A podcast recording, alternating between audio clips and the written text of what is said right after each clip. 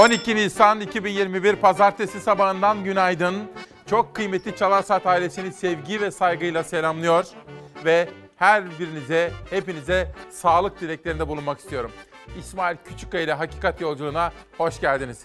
Sorunlarımız var, biliyorum. Dertlerimiz var, görüyorum. Ama bir yolunu bulabiliriz. Bugün korona ile mücadele kapsamında yapılması gereken, alınması gereken ne varsa hepsini konuşacağız. Çünkü bugün bilim kurulu bizi izliyor. Bilim kuruluna hangi tavsiyelerde bulunmamız gerekiyor vaka sayıları bağlamında? Yarın Ramazan. Bugünkü bilim kurulundaki tavsiyelerden sonra yarın Bakanlar Kurulu toplanacak. Cumhurbaşkanı Erdoğan'ın başkanlığındaki Bakanlar Kurulu'ndan Ramazan ayını da kapsayan kararlar çıkacak. Ne olmalı ne olmamalı? Hafta sonunda da haber kaynaklarımızla konuştuk, bilim insanlarımızla konuştuk. Mesela Serap Şimşek Yavuz hocamızla konuştuk. Sizlere çok selamları var. Her birini detaylı olarak konuşacağım. Ama 12 Nisan'daki haber yolculuğumuza müsaade ederseniz yönetmenim Tomakin'den rica edeceğim. Hava durumuyla başlayalım. Orta Anadolu bölgesi kar altında kaldı. Nisan ayının ortasında pek çok il beyaz örtüyle kaplandı. Bazı illerde kar nedeniyle yüz yüze eğitime ara verildi. Yer yer taşkın ve heyelan yaşandı. Çiçek açan bahar dallarını don vurdu. Bakın daha şunlar pembe tomurcuklar. Ee, inşallah kurtarır diyorum. Yani ama şunların hiç şansı yok. Şunlar bitmiş artık. Yozgat'ta soğuk hava çiçeklenen meyve ağaçlarını olumsuz etkiledi. Bozok Üniversitesi Ziraat Fakültesi Bahçe Bitkileri Bölümü Başkanı Doçent Doktor Aysen Koç özellikle İç Anadolu'daki bu durumun sık yaşandığını dile getirdi. Orta Anadolulu üreticiye erken çiçek açan ağaç ekmemeyi tavsiye etti.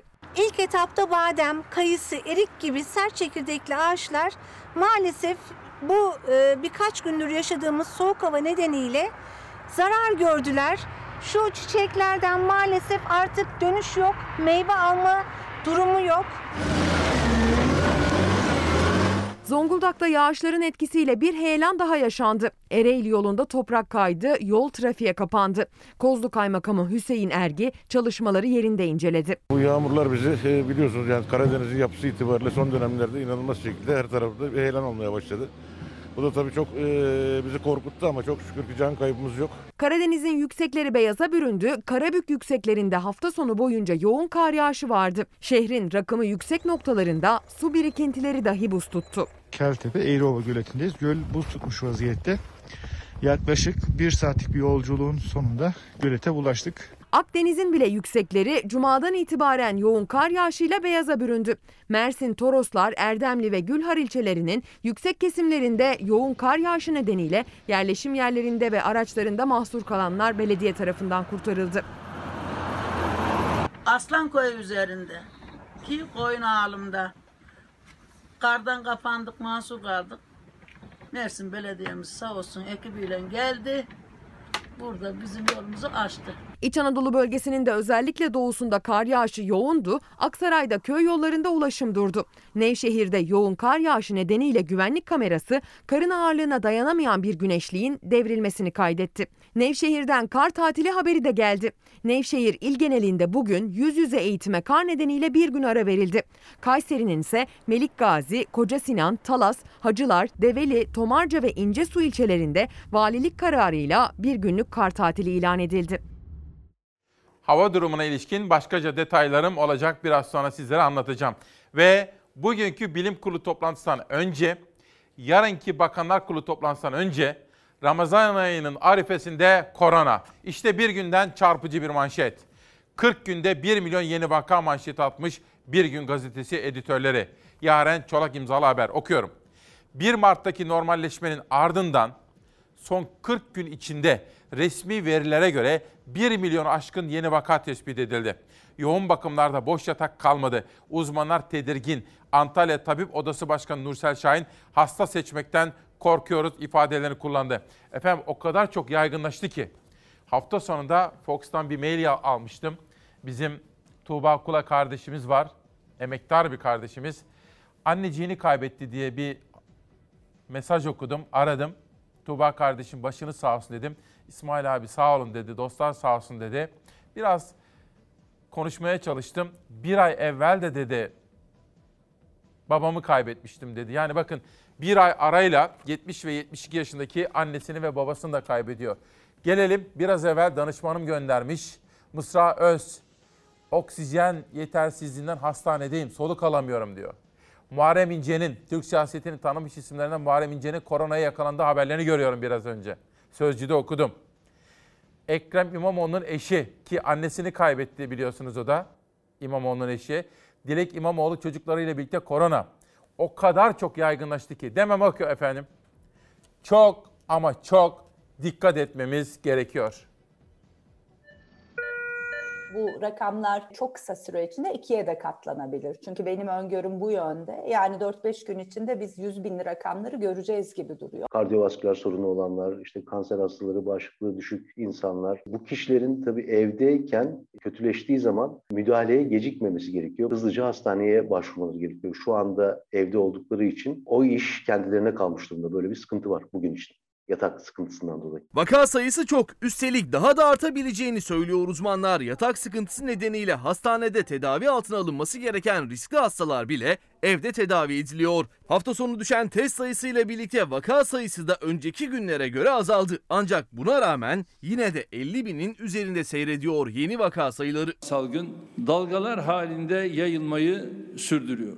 Hemen her gün bir sevdiğimizin, mesai arkadaşımızın komşumuzun veya yakın bir dostumuzun vefat haberiyle yüreğimiz dağlanıyor. Cumhurbaşkanı Erdoğan'ın dikkat çektiği vaka sayısındaki artış yeni haftada bilim kurulu ve kabine toplantılarının da gündemi olacak. Kulislere göre Ramazan'da tam kapanma üzerinde duruluyor. Uzmanlarsa geç bile kalındığı görüşünde 24 saatte 237 hasta daha hayatını kaybetti. Kapanmaya ihtiyacımız var şu anda vaka sayıları çok arttığı için. Herkes aynı saatte işe gidiyor, herkes aynı saatte okula gidiyor. Bu yüzden de e, toplu taşımayı kullanan kişiler için önemli bir risk oluşturuyor. Biz onu biliyoruz yani sadece metroya bindim bir kere deyip ben nerede hastalandım diye soran hastalarımız oluyor. Önümüzdeki günlerde büyük bir pik göreceğimizi düşünüyorum. Yani bunun iki misli sayıları göreceğimizi düşünüyorum. Enfeksiyon hastalıkları uzmanı Profesör Doktor Esin Şenol'a göre mevcut tedbirlerle salgının önüne geçebilmek mümkün değil. Sağlık sistemi de tıkanmaya başladı. Biz e, tıkandıkça kapatıyoruz normal servisleri. Artık normal e, işleyiş sürdürülemiyor. İzmir 9 Eylül Üniversitesi'nde poliklinik randevuları iptal edildi. Kocaeli'de acil olmayan ameliyatlar durduruldu. Birleşik Metal İş Sendikası'na göre Gebze'de fabrikalarda vaka sayıları bir ayda 17 katına çıktı. Türk Tabipleri Birliği Aile Hekimliği Kolu Başkanı Doktor Emrah Kırımlı hemen hemen tüm illerde sağlık sisteminde benzer tıkanıklığın yaşandığını söyledi. Hastanelerde yoğun olarak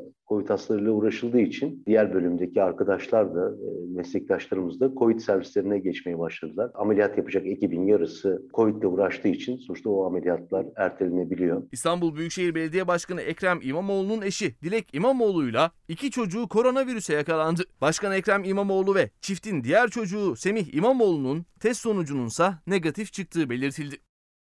Muharrem İnce'nin de koronaya yakalandığına dair haberler geliyor.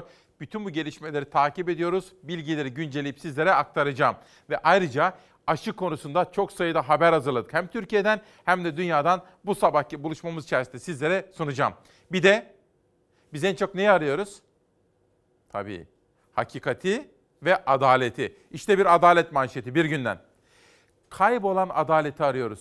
Sesimizi tüm ülke duysun en büyük işçi katliamlarından biri olan Soma katliamı davasında Yargıtay'ın bozma kararının ardından yargılama yarın yeniden başlıyor. Dava Akisar Ağır Ceza Mahkemesi'nde görülecek. Madenci aileleri davaya katılım çağrısı yaptı. Bizi yalnız bırakmayın dedi. Ailelerin avukatlarından Evren İşler aralarında patron Can Gürkan'ın da olduğu 4 sanığın davaya katılmalarını beklemediklerini söyledi. Bu konuyu çok yakından takip eden Özgür Özel'e ki Manisa Milletvekili'den aynı zamana bu konuyu soracağım efendim bugün. Sizler de izleyeceksiniz. Çorum'a, güzel Çorum'a geçmişler olsun diyelim. Çorum'da 4,2 büyüklüğünde deprem meydana geldi. Yerin 11 kilometre derinliğinde gerçekleşen deprem insanları sokağa döktü. Çok şükür öyle yıkılan ne yok. 4,2 büyüklüğündeki deprem Çorum'un Dodurga ilçesini salladı. Berköy merkezi deprem küçük çapta paniğe neden olurken insanlar bir süre dışarıda kaldı. Korkudan evlerine giremedi. Deprem Osmancık, Oğuzlar, Laçin, Kargı ve Çorum merkezde de hissedildi. Ölen ya da yaralanan olmaması yüreklere su serpti. Deprem anında parkta olan iki genç önce sarsıntıyı hissetmedi. Ağaçlar sallanmaya başladı. Gençler parktaki çardakta depremin bitmesini bekledi. Evlerinde olan insanlar daha büyük bir deprem olur mu korkusuyla dışarı çıktı. Bir süre dışarıda bekleyen vatandaşlar yeniden evlerine girdi. Şu anda gerekli incelemelerimizi yaptık. Herhangi bir e, cana mala bir zarar kaybı yoktur. Ama yine incelemelerimiz, incelemelerimiz devam edecektir. Şu anda kısa süreli bir panik havası oluştu ama köylerimiz de rahat. Herhangi bir sıkıntı yapmadan, tedbirlerimizi bırakmadan günümüze devam edecek. Depremin ardından Dodurga Kaymakamı Murat Karnap, kaymakamlık ve jandarma ekipleriyle deprem bölgesinde incelemelerde bulundu. Hafta sonunda cumartesi günü Milli Eğitim Bakanı ile görüştüm.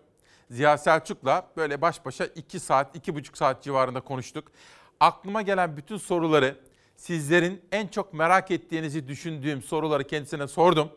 Biraz sonra Çalasat gazetesinde ve detaylı olarak aldığım notları sizlere aktaracağım. Milli Eğitim Bakanı Ziya Selçuk'un Çalar Saat'e özel yaptığı açıklamalar bugünkü ana gündem maddelerimizden birisi olacak efendim. Onu da şimdiden söyleyelim. Hürriyet. Bu inat niye? Nuray Babacan imzalı bir manşet. Bilim insanları adı ne olursa olsun aşı olun çağrısı yapıyor ama aşı sırası gelmesine rağmen yaptırmayanların oranı %25'i buldu. Bu inat büyük risk yaratıyor. Efendim şunu bir kere daha söyleyelim.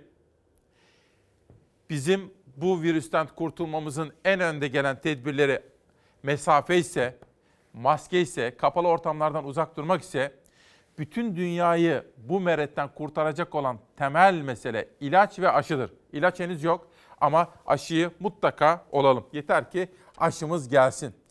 Bütün bu gelişmeleri dikkatle takip ederken demokrasi meydanında bu sabah Ukrayna'daki Kafkaslardaki gelişmeleri de takip etmemiz gerekiyor.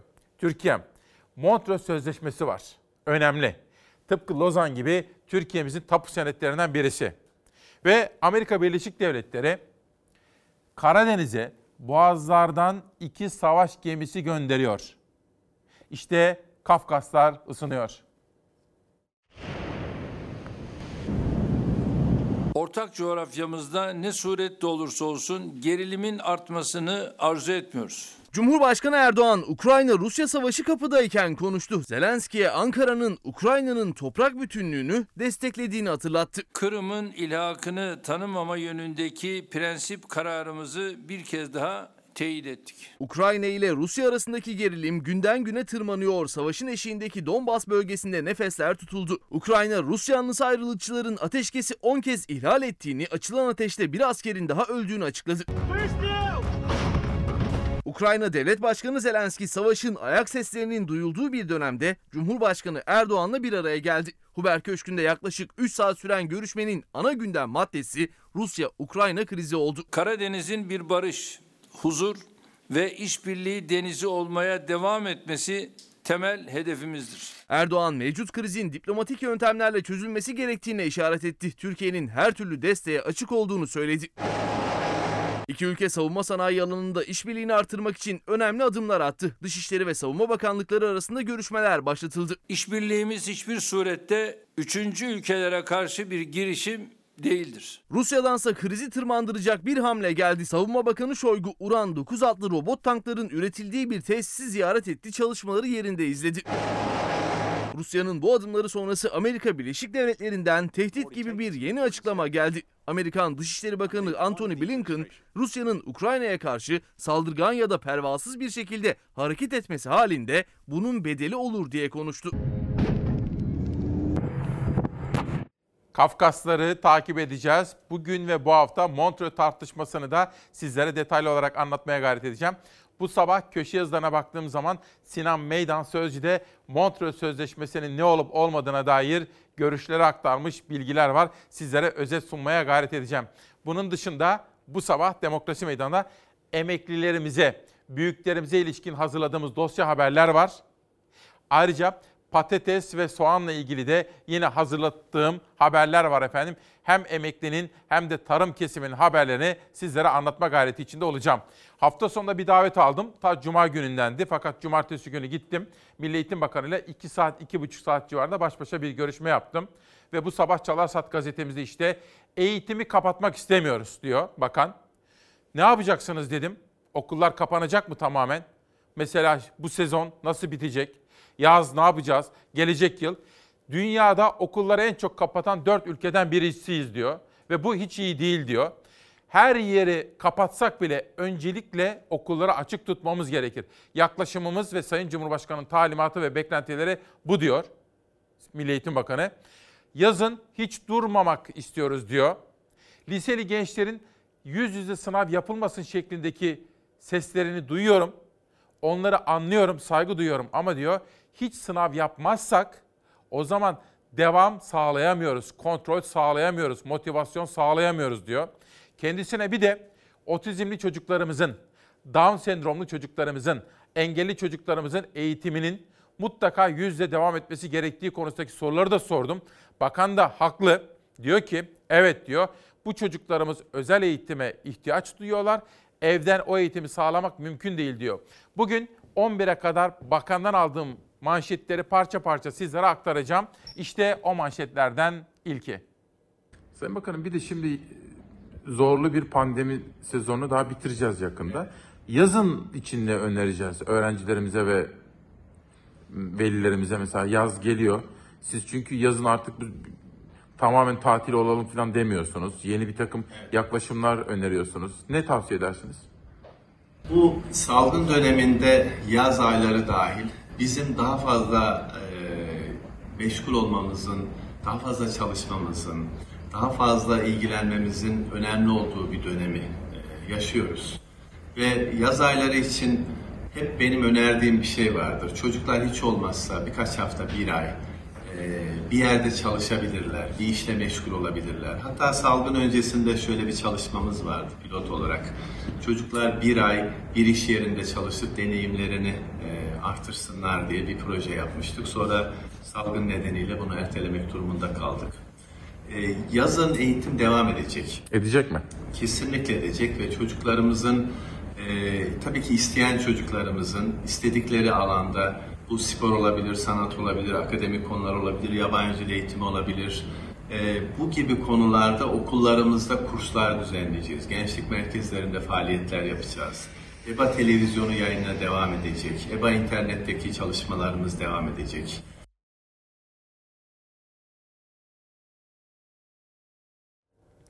Şimdi bu konuda başkaca açıklamaları var bakanın. Şöyle efendim cep telefonuyla şimdi notlar alıyordum.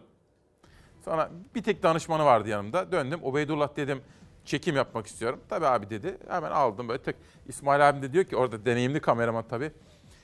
Kadrajı diyor iyi yapmışsın diyor yani görüntü. E ne yapalım işte elimizden geldiği kadar. Ve bu manşete devam edeceğim biraz sonra. Gazetelere geri dönelim. Sözcü ve Sabah gazetelerinde bugün Rütük konusu var efendim. İlginç bir şekilde iki gazetede de bugün bu konuda hani halk tabiriyle pişti olmak deriz ya ama tabii farklı açılardan. Sözcü başka türlü bakmış, sabah başka türlü bakmış. İkisini de okuyalım. Rütük iktidara yönelik eleştirilere anında ceza keserken televizyonlarda Atatürk'e yapılan hakaretler cezasız kalıyor. Son 5 yılda Atatürk ve Cumhuriyet'e küfür ve hakaret nedeniyle Rütü'ye 2672 şikayet yapıldı. Sadece 4'ü karara bağlandı. Radyo ve Televizyon Üst Kurulu'nun CHP'li üyesi İlhan Taşçı, iktidara yönelik en ufak eleştiriye bile ceza yağdıran kurulun Atatürk'e yönelik hakaretleri görmezden gelmesine tepki gösterdi. Taşçı şöyle konuştu. 1 Ocak 2016 ile 1 Mart 2021 arasında Atatürk ve silah arkadaşlarına hakaretten 2672 şikayet yapıldı. 5 yılda 4'ü için göstermelik yaptırımlar uygulandı. AKP dışında kime hakaret olsa duymazdan geliniyor diyor. Sözcü gazetesi meseleye bu şekilde bakarken Sabah gazetesine geçtiğim zaman iki detaydan birisi Erdoğan'ı biraz sonra vereceğim arkadaşlar. Tam şimdi ha. Rütük Başkanı Ebu Bekir Şahin'le konuşmuş Tuğba Kalçık. O da yine sabahın birinci sayfasında eşcinselliği özendiren dizilere izin veremeyiz diyor. Rütük Başkanı Şahin, ahlaki yapımıza aykırı olan dizileri doğru bulmuyoruz. Spotify haberi için Günaydın'a teşekkür ediyorum. Bu platforma müdahale ettik diyor efendim. İşte bakın iki farklı bakış açısı ile haber. Sırada çok çarpıcı bir dosya çalışması var. Aşı konusunda dünya ne yapıyor? Fakat bir ülke düşünün, haberde göreceksiniz. Bir ülkenin başbakanı eğer koronayla mücadele, alınan kısıtlamalar veya aşı gibi temel sağlık konularında kendi çıkardığı kararlara uymazsa, tekrar ediyorum, kısaltarak söyleyeceğim. Bir ülkenin başbakanı kısıtlamalara uymazsa ne olur? İngiltere yetişkin nüfusun %60'ını aşıladı. Ülkede günlük vakalar 2000'in altına düşünce ticari işletmeler açıldı. İspanya bu zamana kadarki en büyük aşılama programını başlattı. AstraZeneca aşısının sadece 60 yaş üstüne yapılmasına karar verildi. Yoksul ülkelerin aşı erişimi ise hala çıkmazda. Dünya Sağlık Örgütü bir kez daha aşı krizi hakkında açıklamalarda bulundu, rakamları paylaştı. Yüksek gelirli ülkelerde her 4 kişiden birinin aşı erişimi varken düşük gelirli ülkelerde her 500 kişiden birinin aşı olabildiği ifade edildi. Dünya Sağlık Örgütü Direktörü pandeminin bu dengesizlik devam ettiği sürece bitmeyeceğinin altını çizdi. Dünya Sağlık Örgütü'nün paylaştığı bilgilerden en çarpıcısı Afrika kıtasındaki 54 ülkeden yalnızca 3'ünde nüfusun sadece %1'inin aşılanmış olması. Küresel aşı erişim programı COVAX eşitliği sağlayacak mekanizmaya hala sahip değil. İngiltere'de 37 milyondan fazla insan tek doz aşısını oldu. Yetişkin nüfusun %60'ını aşılayan ülkede günlük vakalarda ciddi düşüş yaşandı. Ülkede kuaför, spor salonları açıldı. Kafe ve restoranlar açık havada hizmet vermeye başladı. Mağazalarında bu hafta içi yeniden faaliyete geçmesi bekleniyor. İspanya iki gündür günlük vaka ve can kaybı bilgisi paylaşmıyor. Ülke genelinde sokağa çıkma yasağı devam ederken salgının en yoğun olduğu bölgelerde tam karantina uygulanıyor. İspanya'da aşılama programı ise ilk kez hızlandı. Hastaneler ve sağlık merkezlerinde hafta sonu binlerce insana aşı yapıldı. Kanda pıhtılaşma riski nedeniyle AstraZeneca aşısı sadece 60 yaş üstüne uygulanıyor. Amerika Birleşik Devletleri'nde Başkan Biden sözünü tuttu. Aşılama hızlandı. Şu an ülke genelinde 174 milyon insana aşı yapıldı. Hedef 3 ay içinde nüfusun %75'inin aşılanması. Norveç'te AstraZeneca aşısının kullanımı 15 Nisan'a kadar askıya alındı. Aşılama yavaşladı. Sokağa çıkma kısıtlaması olmayan ülkede sosyal mesafe ve maske tedbirleri devam ederken kuralları çiğneyen bu kez Başbakan Erna Solberg oldu. 60. yaş gününü 13 aile ferdiyle kutlayan başbakana 20 bin Norveç kronu yani 16 bin lira ceza kesildi. Şimdi bakın bu o kadar önemli bir detay ki. Şöyle 2 dakikalık haberin 10-15 saniyesi içerisinde bir detay ama önemli bir detay. Bence saatlerce konuşmaktan daha önemli. Bir ülkenin adı Norveç, başbakanı sosyal mesafe kurallarına uymayınca cezayı yer ve bu cezayı öder. İşte demokratik sistem, hesap verilebilir yönetim gibi temel kavramlar böylesine örneklerle yaşıyor, yaşıyor ve güçleniyor efendim. Çok önemli. Bu konudaki düşünceniz varsa benimle paylaşabilirsiniz. Sabahtan Cumhuriyet'e geçtim. Ha, sabahta bir de Erdoğan'la ilgili bir manşet vardı. Onun haberini hazırlatıyorum. Haber bittiği zaman ikisini bir sizlere sunacağım efendim. Yarın aç kalacak mıyım? İpek Özbey'in haftanın röportajında Evren Balta'nın sözleri. Halkın temel tedirginliği işte bu. Siyaset bilimci Profesör Evren Balta, Türkiye'de ciddi bir ekonomik daralma yaşandığını, küçük bir azınlık dışında herkesin yoksullaştığını söylüyor.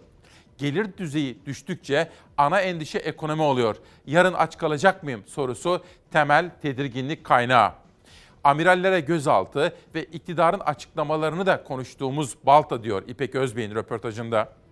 İktidar otoriterliğin askeri vesayet boyutuna dikkat çekip demokrasiyi buradan kurdu ama tam da bu. Sivil alanda otoriterliğin yeniden kuruluşunu mümkün kıldı diyor efendim.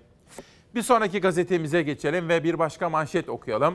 Türk Gün Gazetesi'nde hoş geldin ya şehri Ramazan. Efendim bu akşam sahura kalkılıyor. Yarın Ramazan. Mübarek 3 ayların sonuncusu olan Ramazan ayı başladı. Müslümanlar bu gece ilk sahuru yapacak. Yarın da ilk oruç tutulacak diyor. Bu konudaki haberleri de yarına sizlere detaylı olarak anlatacağım, aktaracağım. Geçelim. Evrensel Gazetesi öğretmenlerin hayatı belirsizliğe terk, önlemsizlik nedeniyle iki günde Covid'e yakalanan 3 öğretmen hayatını kaybetti. Milli Eğitim Bakanı Ziya Selçuk'un öğretmenlere aşılamanın başladığını duyurmasının ardından 46 gün geçmesine rağmen aşı yapılan öğretmen sayısı %10'u geçmedi. Önlemler alınmaksızın başlatılan yüz yüze eğitimin öğretmenlere faturası hastalık ve ölüm oluyor. Yüz yüze eğitimin başlangıcından bu yana 19 eğitimci Covid nedeniyle ölürken öğretmenler aşı nerede diye soruyor. Öğretmen ölümlerini değerlendiren Eğitim Sen İstanbul 9 Nolu Şube Başkanı Hüseyin Özev, ölümlerin sorumlusu önlemleri almayan bakanlıktır. Salgının hızla yayıldığı bu günlerde bir an önce eğitimciler ve çalışanlar aşılanmalı diyor. Manisa'daki tabloya ilişkin bilgi veren Eğitim Sen Şube Başkanı İsmail Şener ise Mart ayında 200 öğretmenin virüse yakalandığını söyledi. Gerçekten de öğretmenlerimizin aşılanmasını özel okul, devlet okulu ayrımı gözetmeksizin bir an evvel tamamlamakta fayda var halk sağlığı bakımından. Hava durumuna 12 Nisan günü girdiğimiz pazartesi sabahından itibaren başlayan yeni haftanın hava durumuna biraz daha yakından, biraz daha detaylı bakacağız. Yeni hafta serin havasıyla başladı. Öğleye kadar Batı Karadeniz'le Ege'nin iç ve kuzey kesimlerinde hava yağışlı. Yağış erken saatlerde kar şeklinde düşmeye devam edebilir.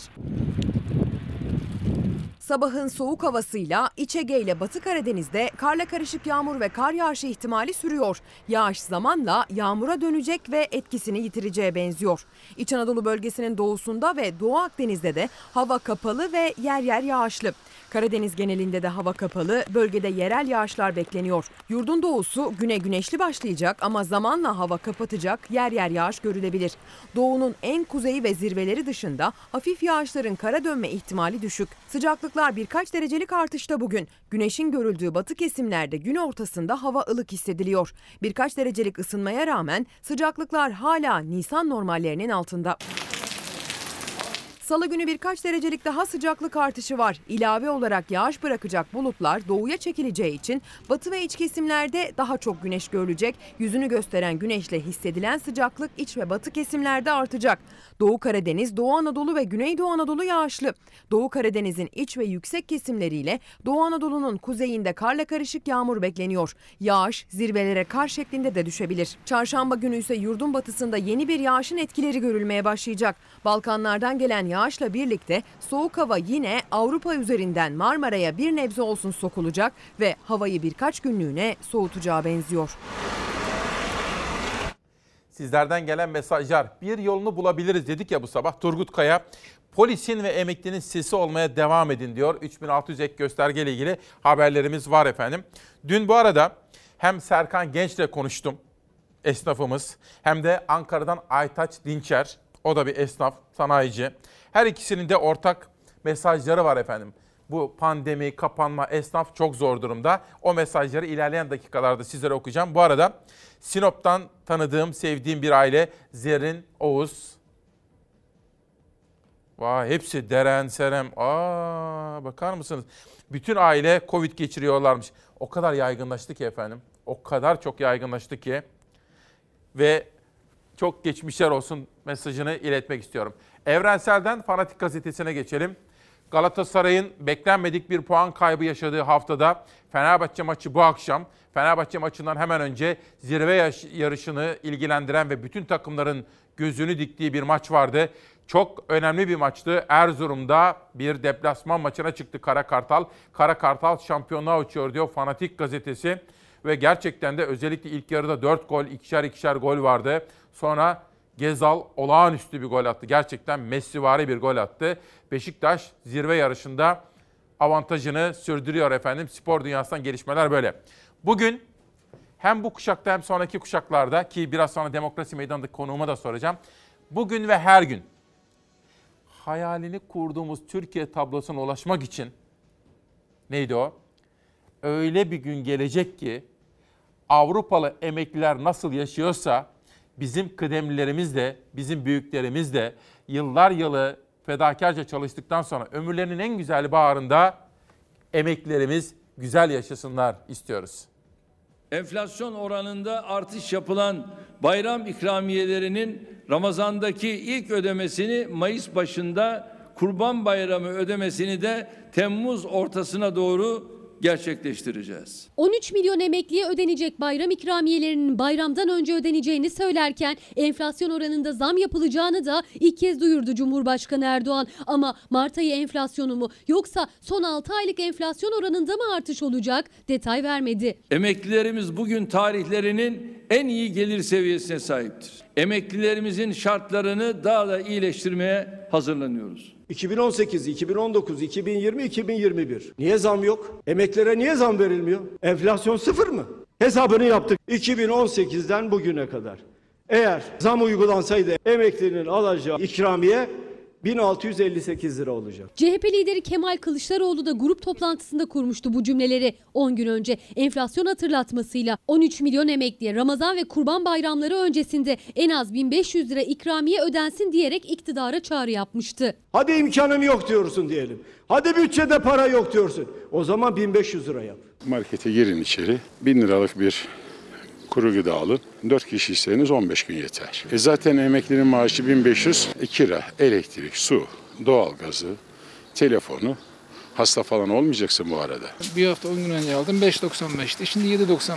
2 kilo alacağıma 1 kilo arıyorum. İğneden ipliğe yapılan hiçbir zammı unutmayan emekliler de yılda iki kez 1000 lira olarak ödenen emekli ikramiyelerinin zamlanmasını istiyorlardı. Müjdeyi Cumhurbaşkanı Erdoğan verdi. Enflasyon oranında artış yapılan bayram ikramiyelerinin Ramazan'daki ilk ödemesini Mayıs başında gerçekleştireceğiz. 3000 de yetmez, 5000 de yetmez. Yani insanların borçları var, ödemeleri var. 2018 yılında verilmeye başlanan emekli ikramiyesi 3 dönemdir 1000 lira olarak yatıyor. Cumhurbaşkanı enflasyon oranına işaret etti, rakam vermedi. Eğer TÜİK'in son 3 yılda açıkladığı tüketici enflasyon oranı yani %50,3 ikramiyelere yansıtılırsa ikramiye tutarı 1520 lira olacak. Son 1 yıllık enflasyon baz alınırsa ikramiye 1161 lira, son 6 ayın enflasyon oranı yansıtılırsa yani %8,36 ikramiye ikramiyeler 1083 liraya yükselecek. 5 versinler 5. Bir insanlar rahatlasın. Farkında mı insanlar bilmiyorum ama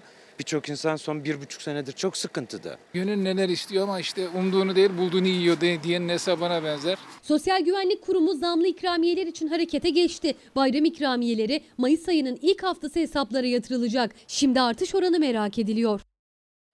Bu arada Hanife Savaş annemiz ellerinden öpüyorum. Hepinize dualar ediyor efendim. Sağ olsun, var olsun. İlerleyen dakikalarda Datça'dan doğal hayatı savunanların sesini duyuracağım. Datça. Bergama'dan çevre haberim var. Ordu'dan mahkemelerimizden çevre dostu haberler gördüğüm zaman çok mutlu oluyorum efendim. Bugün işte bu konudaki haberleri sizlere aktaracağım. Datça, Ordu ve Bergama'dan çevre haberleri var. Ve bugün tanıtacağım kitaplardan ilki Ersin Kalaycıoğlu. Eşi Sema Hanım'a ithafen yazmış ve başlık şu halk yönetimi, demokrasi ve popülizm çatışmasında dünya. Efendim müsaade ederseniz bir fincan sade kahve içip hemen geliyorum. 12 Nisan'da bir pazartesi sabahında günaydın İsmail Küçükkaya ile Demokrasi Meydanı'na hoş geldiniz. Öğretmenlerimizle ilgili bir haberle başlayacağım. Dün Milli Eğitim Bakanı Ziya Selçuk'la da konuştum. Dün değil, cumartesi günü. Dün bu konuda hazırlıklarımızı yaptık. Sizlere detaylı olarak aktaracağım. Ve güzel bir gelişme aldım. Artvin Barosu'na bir kadın seçilmiş efendim. Sizlere detaylı olarak anlatacağım. İkinci tura manşet olarak başlıyorum. Bir yolunu bulabiliriz diyoruz gazetelerde. Bu kez Cumhuriyet Gazetesi'nde öğretmenlere ilişkin bir manşet dikkatimi çekti. Öğretmenler ölüyor. Aşılamada öncelik tanınmayan eğitim sektöründe kayıplar artıyor. Yüz yüze eğitimin başladığı 1 Mart'tan bu yana 26 öğretmen koronavirüse yenik düştü. Eğitim İş Başkanı Yıldırım, salgında 250'ye yakın eğitimcinin yitirildiğine dikkat çekerek acil aşılanma istedi. İki günde İstanbul, İzmir, Edirne ve Kütahya'da 4 eğitimci hayata veda etti. Cumartesi günü görüştüğüm Milli Eğitim Bakanı'na bu konudaki soruları da sordum. Ama şunu buradan ifade edelim. Bugün bilim kurulu toplanacak bazı kararlar alacak ama o kararları Bakanlar Kurulu'na sunacaklar tavsiye olarak. Bakanlar Kurulu da yarın toplanacak Erdoğan'ın başkanında ve yarınki Ramazan'dan önce acaba hangi kararlar alınacak, alınması gerekiyor? En önemli mesele aşılama. Ne için geldiniz?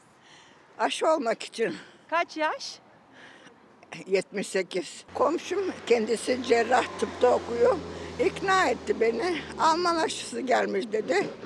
O zaman karar verdim. Kızımı aradım tamam yaptır dedi. Bir sıkıntı olmazsa, ciddi bir mutasyonla karşılaşmazsak, aşıyı da hızlı bir şekilde yapabilirsek belki de bu son yorgunluğumuz olabilir. Aşıyla birlikte hem sağlık çalışanlarında hem de 65 yaş üstünde can kaybı azaldı. Uzmanlara göre son günlerde yavaşlayan aşılama hızlanır ve alt gruplara inerse bu salgında son dalga olabilir. Ancak sabahtan akşama ilk doz aşısına olanların sayısı tüm Türkiye'de 20 bin kişiyle sınırlı kaldı. İkinci doz aşısına olanlarsa 5 bin kişiyi bile bulmadı. Size sıra gelmesini bekliyor Bekledik muydunuz? Yani bekledik evet. Geldi şimdi de bir tereddüt diyorlar ol olma. Biz dedik karar verdik. Olacağız inşallah Allah'ın izniyle. Bayrama sağlıklı olarak çıkacağız yani inşallah. 65 yaş üstünün ardından 60 yaş üstünün de aşılanmaya başlamasıyla bu grupta hastaneye yatışlar da düştü. Yani aşılama etkili olmaya başladı. İşte bu yüzden hafta sonu da aşılama çalışmaları sürüyor. Hastaneye yatan hastalarımızın yaş ortalaması aşağı düşmeye başladı. Şu an yatan hastalarımızın yaş ortalaması 60'ın altında. Ee, bayanlarda 55'e kadar indik, erkeklerde 59'a kadar indik. Aşıdan sonra belirgin bir azalma saptadık. Salgının ilk başlarında burası do- doluluk oranı çok yüksekken şu anda bir yükselme olmasına rağmen asla aşıdan önceki gibi değil. Yani aşının kesinlikle etkili ve yararlı olduğuna inanıyoruz biz. Aşı bu kadar etkili. Bebek yoğun bakım doktoru Şener Coşkun'a göre bebeklerdeki ağır hastalanma oranını bile düşürüyor aşılama. Çevresi aşılanan bebeklerin hastalanma oranı da azalıyor. Ancak aşı yapılsa da maske, mesafe ve hijyene dikkat etmek gerekiyor. Özellikle de ilk dozu yaptırdıktan sonra antikor oluşmadan virüse yakalanan çok. Eğer e, ilk aşı oldu, e, pozitif e, tespit edildiyse şu anda aşı için öncelikli grupta değilsiniz mesajı geliyor. 180 günün sonunda tekrar aşı yapılabiliyor ve başa dönülüyor. Yeniden iki aşı olmak durumunda. Virüse yakalanan ikinci doz hakkını kaybediyor. 6 ay sonra ise yeniden iki doz birden aşılanması gerekiyor. Eşimle beraber yani bayağı bir zor karar verdik ama dedik yani olalım. Belki de bir şey olur Allah korusun. Ha, keşke olsaydık yani denmesin diye. Bir kere hastalandık ya. Bir kere atlattık yani. Lezzet yoktu yemeklerde. Biraz böyle göğsüm ağrıyordu. 65 yaş üstü ve büyüklerimizin aşı olma oranı %81,2'ye ulaştı. 15 gün gibi kısa bir sürede 60-64 yaş grubundaki vatandaşlarımızın %46,4'üne aşı yapıldı. İstanbul'da aşı grubuna alınan son grubun yani 60-65 yaş arasının henüz yarısı bile aşılanabilmiş değil. Öğretmenler de aşılanmayı bekliyor. Profesör Doktor Feriha Öz, Acil Durum Hastanesi Başhekimi Doktor Nurettin Yiğit'e göre aşılanma bireysel gibi gözükse de toplum sağlığının anahtarı. Aşı ne kadar hızlı olursa, aşı ne kadar hızlı yapılırsa ve halkımız aşısına olursa aslında bize bu anlamda çok büyük bir destek vermiş olacaklar. Şunu unutmayalım, aşı kişiyi korur, toplum bağışıklığına katkı sunarak da bütün ülkeyi, bütün vatandaşları korur. Kararsız kaldım ilk önce. Yaptırmayı düşünmüyordum aslında aşı karşıtıydım ama sonra e, olayım dedim. Bu kadar artmışken kesinlikle aşı olmak gerekli. Bizim rejideki görevli Tülin ablamız var. İsmail abi sen aşı oldun mu diye sordu. Olmadım. Olacak mısın dedi. Tabii dedim. Aslında gazeteciler oluyor ama ben korona geçirdiğim için Sağlık Bakanlığı bir karar vermiş. Korona geçirenlere aşı yaptırmıyor belli bir süreye kadar. Ben süremi ve sıramı bekleyeceğim efendim. Bir izleyenim Nuran Belet. Kendisi kanser hastalığı geçirmiş bir izleyenimiz. Diyor ki günaydın aşı ile ilgili bir sorun var. Aynı yaşlarda, aynı ilçede ve aynı kanserleri geçiren iki arkadaşız. İkimiz de kanser olduk. Arkadaşıma aşı randevusu çıktı. Geçen cuma ilk doz aşısını da oldu. Benim ise daha sistemde aşı randevum yok ve riskli grupta olmadığım yazılı. Bu nasıl bir çelişki diye soruyor Nuran Belet. Ben de bu konuyu araştırmaya devam edeceğim efendim. Ve işte Cumartesi günü Milli Eğitim Bakanı çağırdı. İl Milli Eğitim Müdürlüğü'ne gittim. 2-2,5 saat konuştum kendisiyle. Bu kitabı da verdi. Okumaya başladım. Pandemi zamanında acaba neler yapıyoruz? Neleri doğru, neleri yanlış, neleri eksik yapıyoruz? Bakanla ilgili bugün bir Çağlarsat gazetesi yaptık efendim. Eğitimi kapatmak istemiyoruz. Bir kere bakan en çok şunu söylüyor. Dünyada okulları en fazla kapatan 4 ülkeden birisiyiz. Bu kötü diyor. İyi bir şey değil bu diyor. Her yeri kapatsak bile öncelikle okulu açık tutmamız gerekir diyor. Sayın Cumhurbaşkanı da aslında meseleye böyle bakıyor diyor. Bu bir kere bir yaklaşım. İki, gelecek sezon ne yapacaksınız diye sordum. Okulları açık tutmak istiyoruz. Ama artık hibrit modele de geçiyoruz. Bir taraftan videolar çekiliyor, canlı yayınlar 46 bin kamera aldık diyor. Yani ikili bir sisteme göre hazırlıklarımızı yapıyoruz diyor. Sayın Bakan'a şu soruyu da sordum. Otizmli çocuklarımız var. Down sendromlu çocuklarımız, engelli çocuklarımız. Onlar evde eğitim alamıyorlar. Özel eğitime muhtaçlar. Doğru söylüyorsunuz dedi. İşte o çocuklarımızın eğitim hayatını da hiç aksamayacak şekilde yüz yüze sürdürmek istiyoruz dedi. Ve Anadolu Ajansı'da bir haber yansıdı. Her mahalleden seçilen en az bir okulda örgün eğitimi aksatmayacak şekilde halk eğitimi kursları açılacak. Seçilen bu okullar halk eğitimi merkezlerimizin birer şubesi niteliğinde olacak diyor. Bakan bunları anlatıyordu. Bir taraftan notlar alıyordum. Arada danışmanla döndüm. Çekim yapabilir miyim dedim. Şöyle kameramı aldım. Kamera değil de yani cep telefonumu böyle çekmeye başladım. İşte manşetlerden birini ilk kuşakta vermiştim. İkincisi. Sayın Bakanım peki milyonlarca öğretmenimiz, velimiz, Milli Eğitim camiasına ne söylemek istersiniz? Elbette sohbet edilecek, konuşacak çok konumuz var öğretmenlerimizle, çocuklarımızla, velilerimizle. Ama çok temel bir iki şey söylemek gerekirse, e, öncelikle velilerimize e, teşekkürle başlamak isterim. Çünkü çok zor e, bir dönemde gerçekten büyük zorluklar yaşıyorlar. E, çocuklarının sadece akademik konularıyla e, ilgilenmeleri elbette çok önemli. Ama bunun yanında bizim gördüğümüz, yaptığımız araştırmalar şunu gösteriyor. Çocukların sosyal duygusal gelişimleri, sosyal duygusal becerileri çok önemli. Mesela bir çocuğun kendi işini kendisinin görebilmesi, kendi işini kendisinin yapabilmesi becerisi. El becerileri değil mi? Otonomisinin olması, bir çocuğun azimli olması. Bu çok çok önemsediğimiz bir şey. Çocuğun özerk olması, empati algısının yüksek olması. Ee, bunlara da aynı zamanda akademik kazanımlar kadar dikkat etmekte fayda var. Çünkü uzun vadede biz akademik kazanımları bir şekilde telafi edebiliriz, destekleyebiliriz. Ama bu saydığım azim gibi, otonomi gibi, empati gibi konular Peki bu söylediğiniz önemli hususta veliler ne yapsınlar, ne yapabilirler? Velilerimizin bu konularda çocukların sosyalleşmesi anlamında arkadaşlarıyla ilişkileri, okulla bağlantıları, öğretmeniyle bağlantıları ve çocukların kendi işini kendisinin yapabilmesiyle ilgili konularda daha destekleyici olmalarını bekleriz. Çünkü bir çocuk evde e, yemekle ilgili olabilir, evin diğer işleriyle, ihtiyaçlarıyla ilgili olabilir, yardımcı olması ve beraberce işbirliği içerisinde, el birliği içerisinde bir takım faaliyetleri yürütmesi ve kendi başına e, motivasyonunu sağlayabilmesi gibi konularda daha dikkatli olmaları belki önerilebilir. Sayın Bakan'a Diyarbakırlı çocuklarımız Harvard'ı kazanmışlardı ya geçtiğimiz gün. Bahçeşehir Koleji'nde okuyorlardı ve Diyarbakır'a gidiyorlardı. Üç çocuğumuz Diyarbakır'dan Harvard'a ikisi. Biri de bir başka yine çok önemli bir okula gidiyordu efendim. Onu da sordum. Tabii ki sevinçliyiz, gururluyuz dedi. Biz dedi özel okulda okuyor, yok işte devlet okulunda okuyor böyle ayrım yapmayız dedi. Sonuçta hepsi bu ülkeye faydalı, hayırlı evlatlar olacak dedi. Onu da anlatalım. Serkan Genç esnafımız adına bir mesaj göndermiş. 26 Mart 2020'de pandemi sürecinde getirilen yeni düzenleme ile bir yıl içinde %10'luk kısmını alacaklıya yatırıp kalan kısmını 15 taksitli 2 ay aralıklı ödemek şartı ile çek borçlusu binlerce esnaf cezaevlerinden tahliye edilmişti. Çek borçlusu tahliyeler esnafımızın. Bu süre 26 Mart'ta doldu. Bu bir yıllık süre içinde cezaevlerinden salı verilen esnaf ne iş yapabildi ne de iş bulabildi. Çünkü kapanma zamanlı. Bu sürenin yine uzatılmasını ve akabinde kalıcı ve hakkaniyetli bir çözüm bulunmasını istiyoruz diyor. Bu suçtan suçlu değil borçlu olmuştur diyor Serkan Genç efendim. Bu da bize bir mesaj göndermiş. Çalar Saat'ten gazetelere geçelim tekrar. Biraz sonra Demokrasi Meydanı'nda bir konuğum var.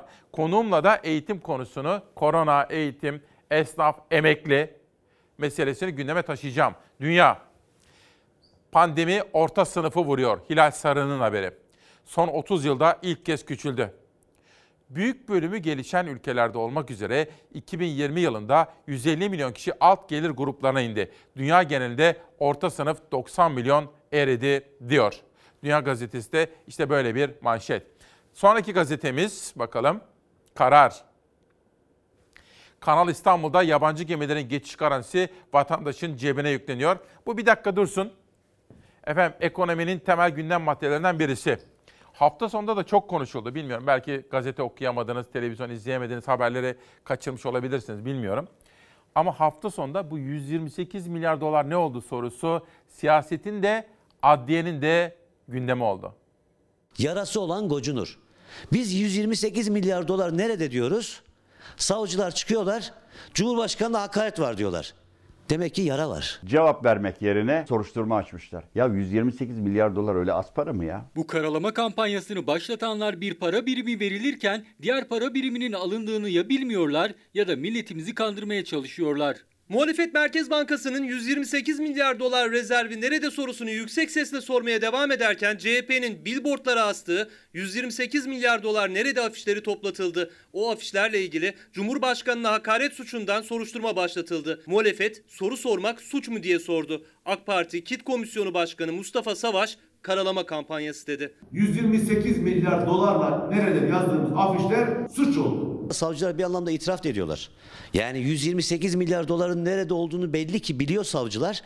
Oradan Cumhurbaşkanı'na hakaretten dava açıyorlar. Dövize artan talebi karşılamak için Türkiye ya IMF'ye gidecekti ya da faizleri şok bir biçimde artırarak kendi reel sektörüne zarar verecekti. Ancak Türkiye bu yolları tercih etmemiş ve reel sektörün döviz ihtiyacını karşılamak için Türkiye Cumhuriyeti Merkez Bankası rezervlerini kullanmıştır. Türkiye'yi tek başına yöneten Recep Tayyip Erdoğan'dan cevap bekliyoruz. Cevap ise Kit Komisyonu Başkanı'ndan geliyor. AK Partili Mustafa Savaş muhalefetin 128 milyar dolar sorusuna grafikle döviz ihtiyacı, jeopolitik riskler diyerek yanıt verdi ama muhalefet ikna olmadı. Sorumlular yanıt versin diyerek ses yükseltti. Hesap vermesi gereken de yürütmenin başı Cumhurbaşkanı ve Maliye Hazine Bakanı. Kit Komisyonu Başkanı böyle bir cevap vererek bu toplumun mutmain olacağını mı zannediyor? Böyle bir şey yok. Cumhurbaşkanına hakaret diyorlar. Demek ki Cumhurbaşkanı bu parayı kendi yandaşlarına iç ettirdi. Ateş olmayan yerden duman çıkmaz. Demek ki bir ateş var ki duman çıkıyor. Mudanya, Kırşehir, Kastamonu'dan sonra Ardahan ve İstanbul Beylikdüzü'nde de 128 milyar dolar nerede afişleri kaldırıldı. Büyükçekmece Cumhuriyet Başsavcılığı da Cumhurbaşkanı'na hakaret suçunu oluşturduğu iddiasıyla soruşturma başlattı. Sadece 128 milyar dolar değil. 15 Temmuz şehitleri ve gazileri için topladığınız paralar nerede? Onun da hesabını verin.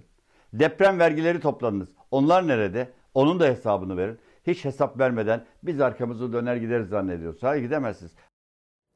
Bir de tabii kapanalım mı kapanmayalım mı? Ne dersiniz efendim?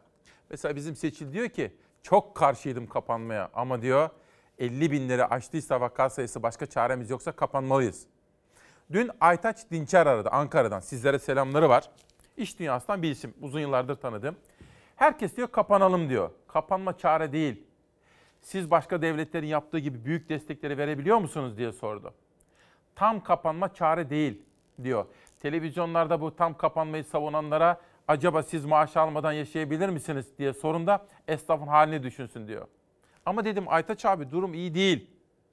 Fakat mesele gerçekten de basit değil efendim. Bakın Yavuz Donat'ın bugünkü yazısında gördüm.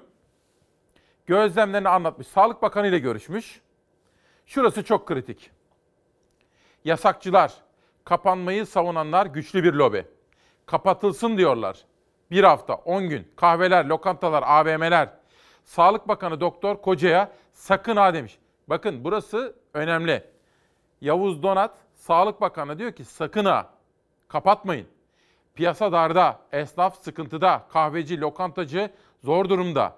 Ramazanda iş yerleri kapatılacak kararı alınırsa çok kişi geçim sıkıntısı çeker. Özellikle de küçük esnaf bu konuda tedirgin. İşte efendim bakın o kadar zor bir mesele ki. Önlemleri gevşetsek işte aldı başını gitti. 50 binlerde vaka sayısı. Hastaneler doldu, yatak doluk oranları, yoğun bakım dolu, lebalep. Ne yapacağız? Ama kapatsak da esnaf zor durumda. İşte böyle bir sıkıntının içindeyiz.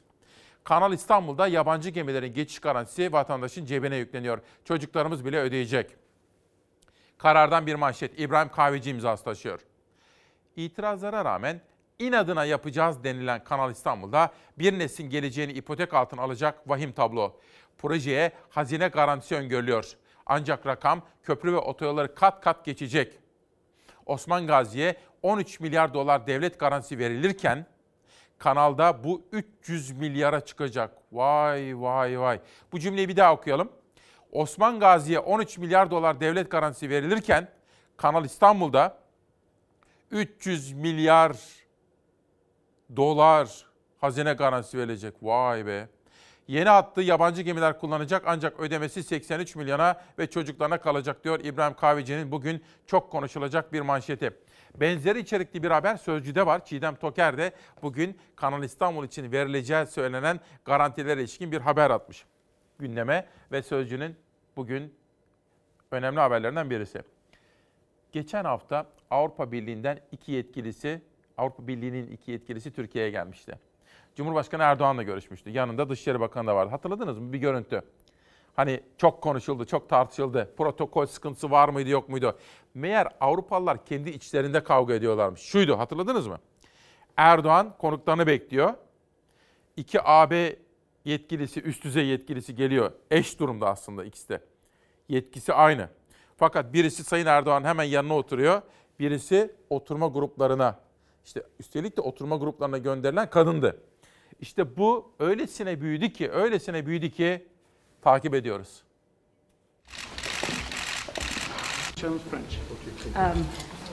Cumhurbaşkanı Erdoğan'ın Avrupa Birliği temsilcilerini kabulü sırasında yaşanan protokol düzeni tartışmaları Avrupa siyasetini ısıttı. Kadın örgütleri krizin sorumlusu olarak gördüğü Avrupa Birliği Konseyi Başkanı Charles Michel için istifa çağrısı yaptı. Avrupa Birliği tarafının telkinleri doğrultusunda böyle bir oturma düzeni ayarlanmıştır. Nokta. Geçtiğimiz hafta salı günü Avrupa Birliği Konseyi Başkanı ve Avrupa Birliği Komisyon Başkanı'nı kabul etti Cumhurbaşkanı Erdoğan. Türkiye Avrupa Birliği'nden gelen talepler doğrultusunda protokol düzenini ayarladı. Le point, le point essentiel et je pense que İddiaların aksine Türkiye'den kaynaklı kasti küçük düşürücü bir eylem yoktu. Üçüncü ülkelerde Avrupa Birliği Konsey Başkanı, Devlet Başkanı, Avrupa Birliği Komisyonu Başkanı da hükümet başkanı olarak kabul ediliyor. Avrupa Birliği Konseyi Başkanı Michel küçük düşürücü bir durum yoktu dedi ancak eleştirilerin hedefi oldu. Avrupa Birliği Komisyon Başkanı von der Leyen'in küçük düşürüldüğü gerekçesiyle Avrupa'da kadın örgütleri Michel'in istifa etmesi için imza kampanyası başlattı.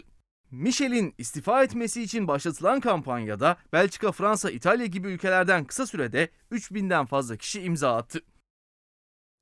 Bu Zafer Söken haberiydi efendim. Zafer'in dışında bugün haber masamızda Beyza Gözeyik ve Ezgi Gözeger vardı. Editörlüğünü programımızın Zeray Kınıcı yapıyor. Danışmanım Nihal Kemaloğlu ile gündem çalışmamızı yaptık. Bütün ekip arkadaşlarıma, kameralara, her birine rejiye de teşekkür ediyorum. Tek tek isimlerini söylemeye devam edeceğim bugün de. Ve mutlaka takip etmek istediğim temel gündem maddelerinden birisi Datça. Bilmem ki Datça'yı gördünüz mü? O kadar güzeldir. Bilmem ki Datça'nın pazarına gittiniz mi? Ah! Şimdi şu cennete bir bakın. Datça'yı savunuyoruz. Başlıklı bir yazı var. Datça'nın en güzel yerlerinden biri olan Kargı Koyun'da kamuya ait 128 dönümlük arazinin Cumhurbaşkanlığı kararıyla otel ve otopark yapılması için özelleştirme idaresine devredilmesine karşı 14 Nisan çarşamba saat 13'te Cumhuriyet Meydanı'ndayız diyorlar efendim. Şimdi bu haberi izlerken şu görüntü ve Datça'nın o şahane doğası aklınıza gelsin. Mülkiyeti kamuya ait arazilere özelleştirme kararı çıktı. O arazilerden biri de Datça'daydı. Geçen hafta gündeme gelen özelleştirme kararı Datça'da tepkiye yol açtı. Çevreciler eylem yapmaya hazırlanıyor. 5 Nisan 2021 tarihli Cumhurbaşkanlığı kararına göre 12 farklı ilde pek çok arazi için geldi özelleştirme kararı. Özelleştirilen araziler arasında 5 farklı ilde Türkiye şeker fabrikalarına ait yerler de var. Bir diğer alansa Muğla'ya bağlı Datça ilçesinin Kargı Koyu oldu. Kargı Koyu'nda kamuya ait 128 dönümlük arazinin Cumhurbaşkanlığı kararıyla otel ve otoparka dönüştürülmesinin önünü açan karar 14 Nisan çarşamba günü protesto edilecek. Kargı koyunu da içine alacak şekilde özelleştirilecek arazide zeytin ağaçları var ve doğal koruma alanı ilan edildiği öne sürülüyor. Datça Demokrasi Platformu ve çevreciler Datça'yı savunuyoruz başlığı altında sosyal medyada tepkili yüzlerce ileti paylaştı konuyla ilgili. Kargı koyu Datça'nın en güzel yerlerinden biri olarak biliniyor. Bölge halkı ve çevreciler kararı tepkiyle karşılıyor. Hükümetin de aslında mesela Maliye Bakanı çıkıp mesela Lütfü Elvan'ın çıkıp bu 128 milyarla ilgili bir bilgi vermesi lazım efendim. Bakın şimdi mesela Celal Bey de eleştiriyor, muhalefeti de eleştiriyor. Bir algı mı var diye. Fakat çıkacak birisi mesela buraya da gelebilir. Lütfü Elvan davet ettim. Gelebilir arzu ediyorsa. Kültür Bakanı nasıl geliyor? İşte Çevre Bakanı nasıl geliyor? Lütfü Elvan da aslında bayağıdır orada. Gelip bunu anlatabilir efendim. Bu 128 milyar gerçekten buhar mı oldu? Ne oldu? Yoksa orada duruyor mu? Bir işlem mi yapıldı Cumhurbaşkanı'nın söylediği gibi? Ya çıkıp bir açıklama yapmaları lazım. Böyle sütre gerisine çekilip böyle sessiz kalmak falan doğru bir tavır değil efendim. İletişim tekniği açısından da doğru değil. Ha, do- çıkıp açıkla, açıklanabilir yani bu durum diye düşünüyorum. Karardan bir sonraki gazeteye geçelim. Erdoğan emekliler en iyi gelir seviyesinde diyor. Katılmıyorum kendisine. Hiçbir şekilde katılmıyorum Sayın Erdoğan'ın bu konudaki sözlerine. Emeklilerimiz ne zaman iyi gelir seviyesinde olurlar biliyor musunuz efendim? Hep söylüyorum ama 40 bin kere de tekrar etsek elva. Bakın Fransızın, İngiliz'in, Alman'ın, İtalyan'ın, Amerikalı'nın, Japon'un, Kanadalı'nın emeklisi nasıl yaşıyorsa, bizim ülkemizin emeklisi öyle yaşarsa, yılda en azından bir kere böyle bir hafta tatile gidebilirse, çoluğuna çocuğuna torununa harçlık verebilirse güzel güzel, ömrünün o en güzel baharında para derdi gözetmeksizin yaşayabilirse o zaman bu doğru demektir. Ama ben şimdi bu sözün doğru olduğunu düşünmüyorum doğrusu. Bana kızabilirler ama kendi düşüncemi de ifade edeyim. Cumhurbaşkanı Erdoğan dün emekli maaşları ile ilgili önemli açıklamalar yaptı. Erdoğan biz göreve geldiğimizde emekli maaşlarının 66 liradan başladığını hatırlatmak isterim. Emekli maaşları 66 liraydı. E, okuyalım birazcık efendim, okuyalım. Kararı siz verin. Şimdi konuşan kişi ülkenin cumhurbaşkanı ve 19 yıldır ülkeyi yöneten kişi. Ben de sonuçta bir gazeteciyim. Ama ben okuyayım, kararı siz verin. Ben susayım. Erdoğan'ın 66 lira olarak işaret ettiği aylık 2002 yılında Bağkur Tarım Aylığı. Çalışma ve Sosyal Güvenlik Bakanlığı'nın 2012 yılında emekliler için yaptıklarımız ve intibak kitapçığına göre 2002 yılında ödenen en düşük işçi emekli aylığı 257 lira, en düşük memur emekli aylığı 377 liraydı. Emekler tarihlerinin en iyi gelir seviyesinde. Erdoğan'ın emeklerimiz bugün tarihlerinin en iyi gelir seviyesine sahiptir sözleri de dikkati çekti. Erdoğan'ın 66 lira olarak söylediği en düşük emekli aylığı olan Bağkur Tarım Aylığı 1662 liraya çıktı. Bağkur Tarım emeklisine 66 lira aylık verilen 2002 yılında çeyrek altın 32.2 liradan satılıyordu. Buna göre en düşük maaşı olan emekli o tarihte 2.04 çeyrek altın alabiliyordu diye böyle anlatmış, anlatmış, anlatmış efendim. Yani şöyle uzun bir haber ama şöyle yapacaksınız efendim. Konuşan kişi ülkenin cumhurbaşkanı. Doğru söylüyordur. Konuşan kişi gazeteci. Bakacaksınız. Siz karar verecek. Ülkenin yaşayan insanları siz. Mesela maaşınız ne kadar efendim emekli maaşınız? Eskiden nasıldı? Şimdi nasıl? Bütün bunları karşılaştırarak nihai aşamada kararı siz verebilirsiniz diyorum efendim. Hafta sonunda en çok sosyal medyada paylaşılan görüntü. Sırada bu var. Bir büyüğümüz, bir teyzemiz bir metro istasyonu ve fasulye ayıklıyor.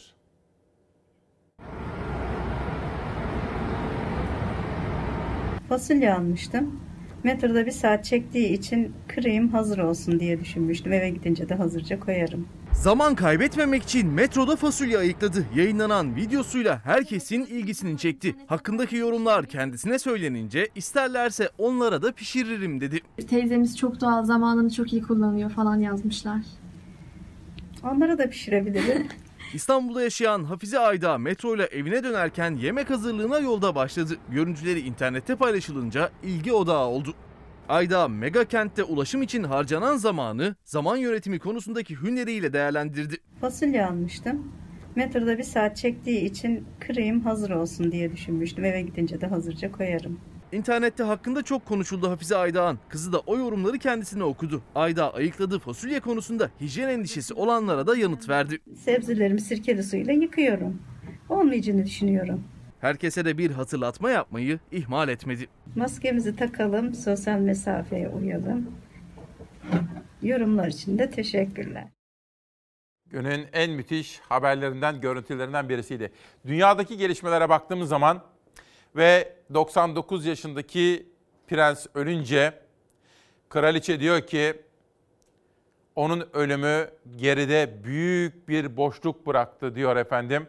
Ve işte bütün dünya televizyonlarında da çok konuşulan adeta Crown dizisindeki gibi İngiltere kraliyet ailesi 17 Nisan'daki cenaze merasimine hazırlanıyor. 99 yaşında hayata gözlerini yuman Prens Philip'in cenaze töreni 17 Nisan'da gerçekleşecek. Covid-19 tedbirleri kapsamında törene katılım 30 kişiyle sınırlandırıldı. İngiltere Başbakanı Boris Johnson'ın kraliyet ailesinde daha fazla yer açmak adına törene katılmayacağı açıklandı. Kraliçe Elizabeth eşinin ölümünün ardından duygularını büyük bir boşluk sözleriyle ifade etti.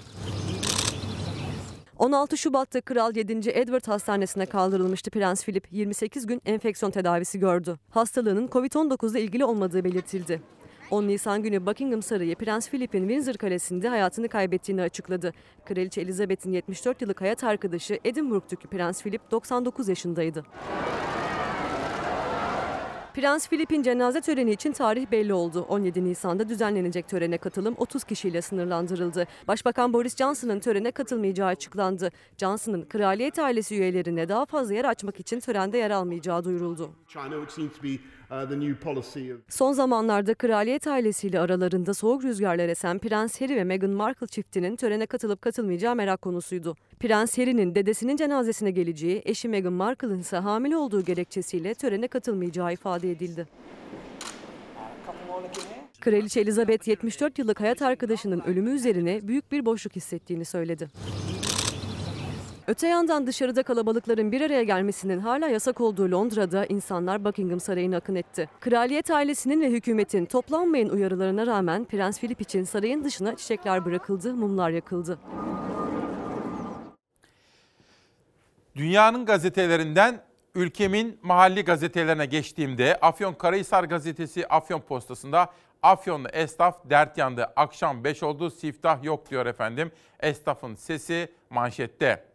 Afyon'dan Van'a geçtiğim zaman iş yerlerinde çalışma saatleri esnetilsin diye bir öneri.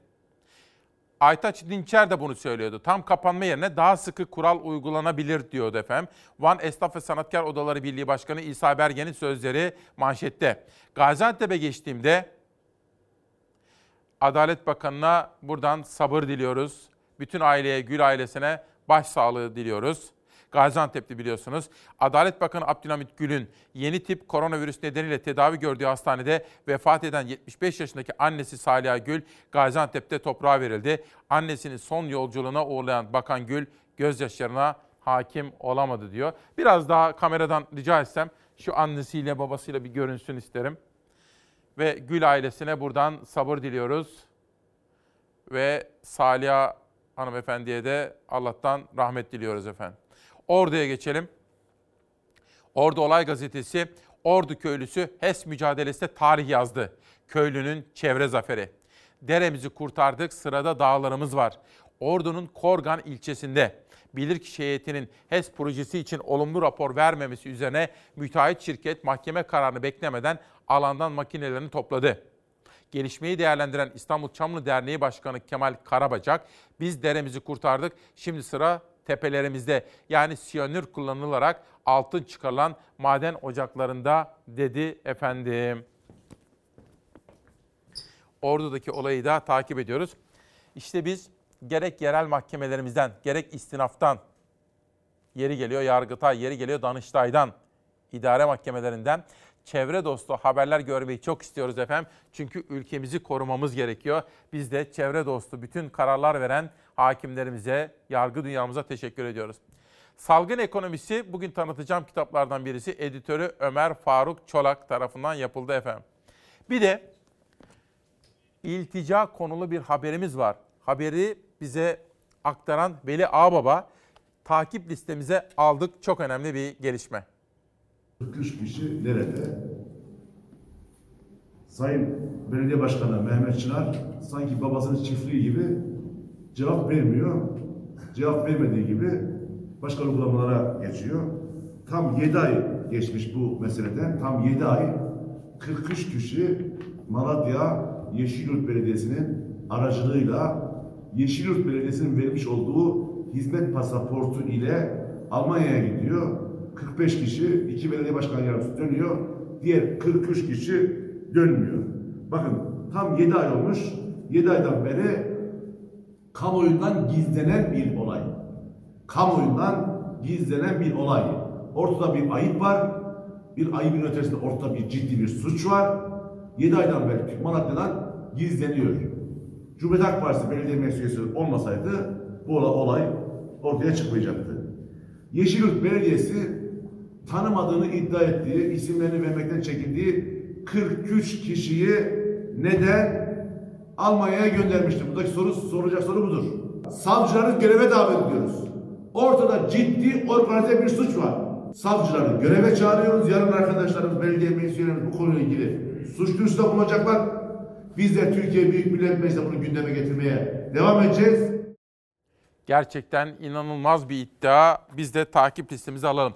Sırada emekçilerle, esnaf ve özellikle de garsonlarla ilgili bir haberimiz var efendim. Önemli bir haber. Yönetmenim onu hazırlaya dursun. Ben de size iki kitap tanıtımı daha yapayım. Bülent Şenver, yeni çıkan kitabıyla. Coşkun Irmak, öyle bir geçer zaman ki. Ve bir de temel bağlama metodu doçent doktor Sabri Uysal göndermiş bize. Kendisine teşekkür ediyoruz. Garsonlarımız. Sadece paket servis olarak 4 kişi tutup geri personelin hepsini 16 kişi çalışıyor. 4 kişiyi burada tutup geri 10-12 kişiyi de ücretsiz izne çıkaracağız. Salı günü itibariyle. Tabii salı günü itibariyle mecburen. Zaten çocuğun masrafı var aylık 1400 lira beziydi mamasıydı. Geçim sağlayamazsanız Sağlayamayacağız artık memlekete babamızın yanına. Nereye memleket? Ordu, Ünye. Kaç senedir İstanbul'dasın? Yaklaşık 20 yıldan beri İstanbul'dayım. 20 senedir ekmeğini kazandığı İstanbul'dan ayrılmaya hazırlanıyor garson Adem Güllü. Çalışanların en büyük korkusu yeniden eve gönderilmekti. Salı gününden itibaren restoranlar paket servise geçiyor. Özellikle garsonlar ücretsiz izne gönderilecek. Günde 47 liraya mahkum olacak. Normalleşmeyle birlikte işlerine tekrar dönmüşlerdi ki yeni bir kapanmayla karşı karşıya kaldılar. Ramazan'ın başlangıcından itibaren garsonlar ücretsiz izne yani evlerine gönderilecekler. Ücretsiz izin aylığı 1420 lira ve çoğu çalışan yaşamsal giderlerini bile karşılayamayacak ve bazı çalışanlar mecburen memleketlerine dönecek. Diyarbakır'dan geldim ben. Ben gurbetçiyim. Ben de kardeşim de burada gurbetçiyiz. Ailemiz için buradayız tabii ki. Mecburen gideceğiz yani yapacak bir şey yok. Yine bir kira ödemek zorundasınız, yine faturaları ödemek zorundasınız ve verilen 1500 lira hiçbirini karşılamıyor. Ne evinizin masraflarını ne kendi kişisel ihtiyaçlarınızı karşılayabiliyorsunuz. 1420 lirayla bırakın geçinmeyi, evinizin kirasını ödeyip çocuğunuza hani bir çikolata dahi alamazsınız. Milyonlarca çalışanın ekmek kapısı restoran ve kafeler Ramazan boyunca müşteriye kapalı. Esnaf sadece paket servisle ayakta kalmaya çalışacak ama o da masraflarına bile yetmiyor. Bütün koronanın yükünü restoranlar ve kafeler çekiyor. E, maalesef masa servisi olmadığından dolayı iki tane garsonumuzu ücretsiz izne gönderdik. Esnaf gibi çalışanlar da çaresiz. Zaten önceki kısıtlamalarla ve işlerin düşmesiyle çoğu garson ücretsiz izne çıkarılmıştı. Yeni haftada ücretsiz izindekilere yenileri eklenecek. Mecburen ortak bir kararla hepimiz kapatıp gideceğiz yani kepengi kapatacağız. Şu an 1500 lira kira ödüyoruz. 1400'e geçinebilen varsa yemin ederim helal olsun. Esnafımız, emekçimiz, emeklimiz. Bu konuları konuşacağım. Efendim 15 gün önce aradım.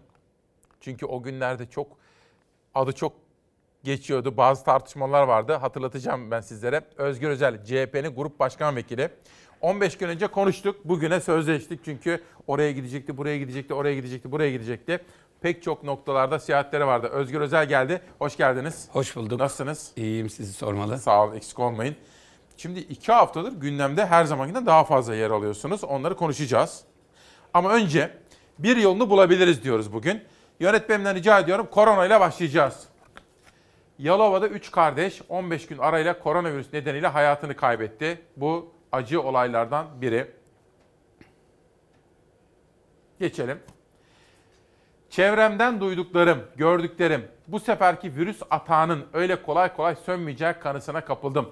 İngiliz varyantı olmasının etkisi kişinin 8 kişiye bulaştırdığını duydum mesela. Üstelik sadece aynı yerde oturarak uzaktan. Başkan, bugün bilim kurulu toplanıyor. Yarın Ramazan ve yarın Bakanlar Kurulu toplanacak. Sayın Erdoğan'ın başkanlığında bir takım kararlar alınacak. İlk sorum şu olsun. Koronayla mücadele, aşılama, eksik bırakılanlar, doğru yapılanlar. Yorumunuz. Şimdi koronayla mücadelenin birçok canı gönülden yapılan, algışlanacak, takdir edilecek tarafı var. O sağlık emekçilerinin yaptığı iş. Canları pahasına. Ölüyorlar ama bizler ölmeyelim diye büyük bir mücadele veriyorlar. Tabii işin bir de yönetim kısmı var. O konuda her geçen gün daha kötüye gidiyoruz. Ee, Sağlık Bakanı bilim kuruluyla şahsı bilir kurulu arasında sıkışmış durumda. Bilim kurulu bir kararlar alıyor, önerilerde bulunuyor. Sağlık Bakanı onu alıp şahsı bilir kuruluna, Sayın Erdoğan'a götürüyor. O önce partisinin çıkarlarına bakıyor, ona göre bir karar veriyor. Uygulanacaksa uygulanıyor, uygulanmazsa da bedelini hep birlikte ödüyoruz. Şöyle somutlaştırmak gerekirse, Cumhuriyet Halk Partisi ve AK Parti iki siyasi parti aynı kanunlara tabiiz. Biz geçen sene Temmuz ayında 25 Temmuz'da kongre yapmak istedik ve dedik ki 25 Temmuz'da kongre yapacağız. Yapabilir miyiz? Nisan'da çünkü tamamen yasaklanmıştı. 1 Haziran'da bir kademeli iyileşme dönemi başlatılmıştı. Yapabilirsiniz dediler. Ancak dediler kongrenizi sadece delegelerinizle yapabilirsiniz. Seyirci olmayacak, gazeteci bile olmayacak. Siz bir tane kamera koyacaksınız, dışarıdan izlenecek biliyorsunuz. O gün itibariyle Türkiye'deki vaka sayısı 921'di. 921 kişi ve 16 vefat vardı. Biz bu kurallara uyduk. İşte o görüntüyü biliyorsunuz. Açık havada yaptık bir daha. Açık havada yapacaksınız. İlk kez bir siyasi parti kongresi açık havada. Bilkent'te böyle herkesin arası birer buçuk ikişer metre bir kongreyi yaptık. Oldu mu oldu. Adalet ve Kalkınma Partisi aynı kanunlara aynı kurallara tabi. Onlar kongre yaptılar. Mart ayının işte 28'inde. Onların kongresini yaptıkları gün 29.762 vaka var. Bakın bizde 900 vaka varken seyircisiz ve açık alanda 29 bin tam 30 katı vaka var Türkiye'de. Hı hı. Ve bu kongre kapalı bir salonda Cumhurbaşkanı deyimiyle lebalep, sıkış tepiş ve seyircili yapılıyor. On binlerce kişi. Biz bin tane delegeyi koyduk. On binlerce kişi. Kaldı ki ilk önce AK Parti ilk kongrelerine başlarken o ilk kongrelerini de seyircili yaptılar biliyorsunuz. 7900 vaka vardı. Yaptıkları yer kızardı. Yaptıkları yer kızardı. Büyük kongrelerine geldiğinde 7'sinde gençlere, 14'ünde kadınlara, işte 28'inde de büyük kongrelerini yaptıklarında vakalar tabii bir de şöyle bir şey yaptı. Onu kabul edelim. Bir korona pompası gibi çalıştı AK Parti kongreleri. Yani virüsü Türkiye'den Ankara'ya topluyor. Öyle değil mi? Örneğin Samsun Allah şifa versin bütün Samsun'a, bütün Giresun'a. 100 bin kişide vaka sayısının en çok olduğu il. Topluyor bütün Türkiye'den virüsleri. Örneğin Şırnak veya Uşak en düşük iki il. Aynı salona topluyor. Sonra bütün Türkiye'ye pompalıyor. Korona pompası. Virüsü topladılar Türkiye 3 hafta üst üste. On binlerce kişi arena salonunda. Biz bin kişiyle açık havada yaptık. 30 kat azdı vakalar. 30 kat vaka artmış. Günde ölüm sayısı o gün 146 bugün 250. Ve biz o zaman bunları uyarırken AK Parti'nin grup başkan vekili Cahit Özkan şöyle demişti. Videosu çok döndü. Göreceksiniz kongremizden bir hafta 10 gün sonra vakalar düşecek. Gördük 29 bin olan vaka bugün 55 bin. 140 olan ölüm 2 gün önce 276 idi dün akşam 252. Bu yüzden çok kötü yönetiliyor. Artık samimiyetine kimse inanmıyor. Şöyle bir şey gittiğimiz her yerde dediniz ya Türkiye'nin dört bir yanına gidiyoruz. Adam diyor ki babam öldü abi diyor babam öldü. 10 kişiyle gömemedim. Mudanya'da arkadaşımın cenazesine, arkadaşımın kayınpederinin cenazesine yetişemedim. Mudanya'da bir saat geç gittim. Dediler ki ya böyle bir şey olmaz. Cami açık, cuma namazı var. Cenazeyi camiden kaldırmak yasak. Evimizin vasiyeti var, evimizin önünden geçirelim. Olmaz 10 kişiyle gömdüler. 3 gün sonra işte bir önemli kamu görevlisinin, bir bakanın, bir başkasının cenazesinde 3 bin kişi var. Yani kuralları vatandaş içselleştirecek ama kural vatandaşa, yasak esnafa, ceza yo, e, işsiz güçsüz insanlara veya eczanede oturup kendi kendine çay içen üç gence ceza.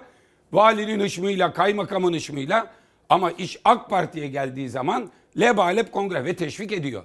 Diyor ki virüse rağmen lebalep maşallah maşallah diyor kamera yaklaşıyor. Bir el ele tutuşun göreyim diyor. Hani tamam da neydi biri mesafe el ele. Burada hata nedir sizce? Bu, buradaki hata şu. Bakın burada partinin çıkarını insanların sağlığından, canından öne koymak.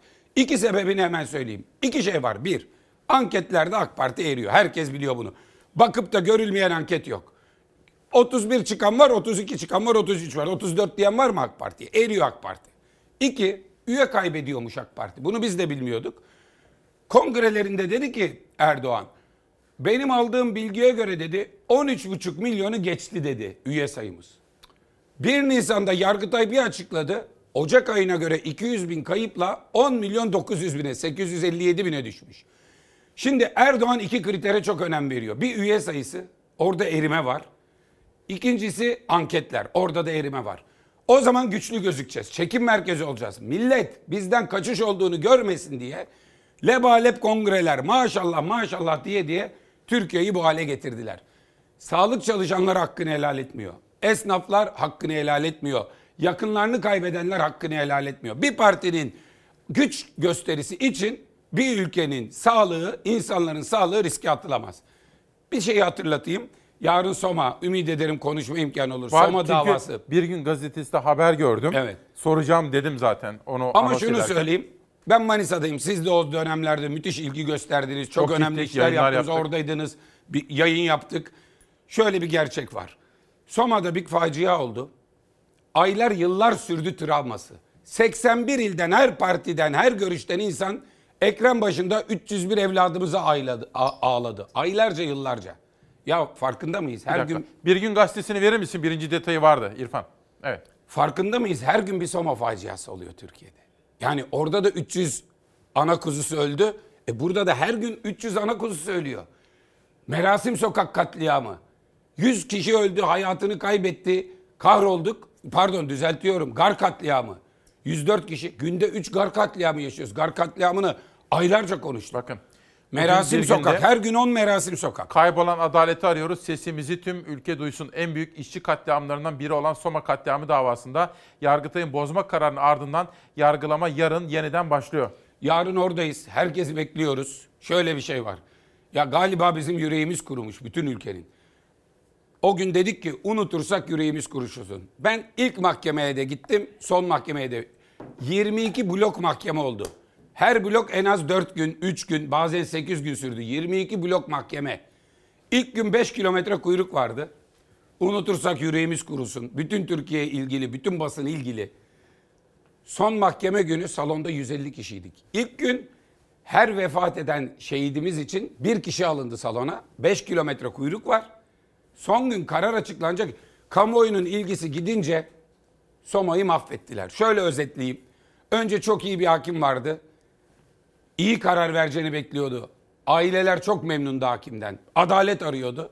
O hakimi İzmir'e yolladılar. Yerine hep madencileri suçlu bulan şirketi affettiren bir hakimi getirdiler.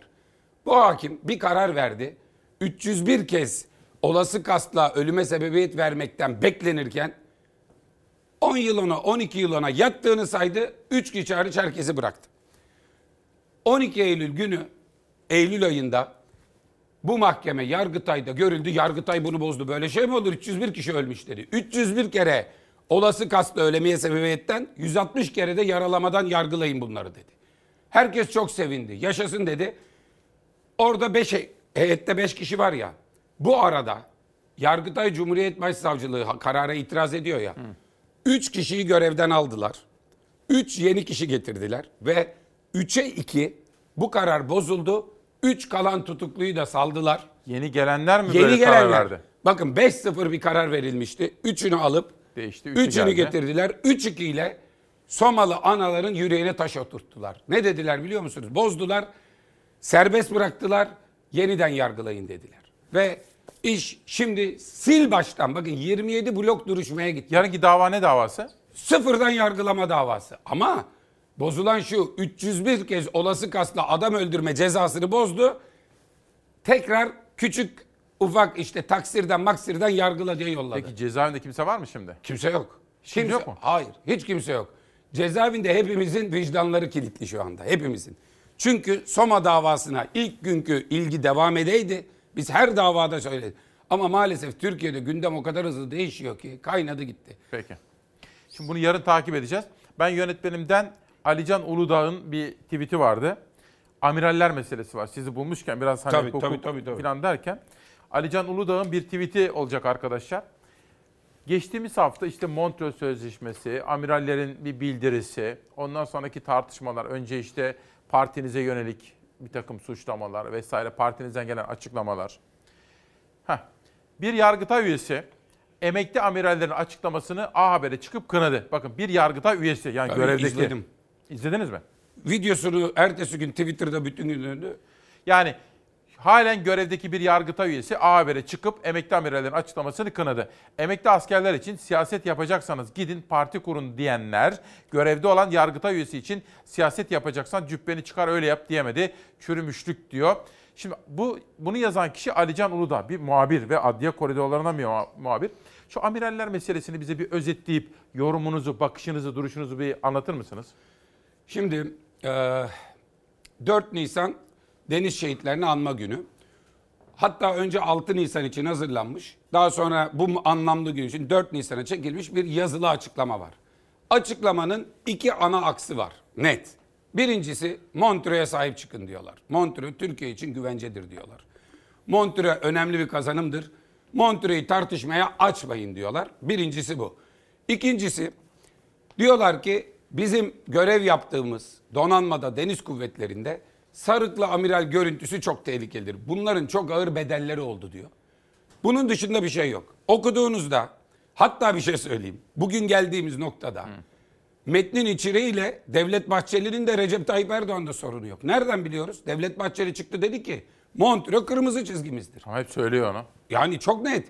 İkincisi Recep Tayyip Erdoğan dedi ki daha iyisini yapana kadar Montreux'e sahip çıkacağız. Bu da şöyle yani ben Montreux'u öyle de tartışmaya açmayı doğru bulmam da mevcudundan iyisi olmazsa ben Montreux'e sahip çıkacağım diyor.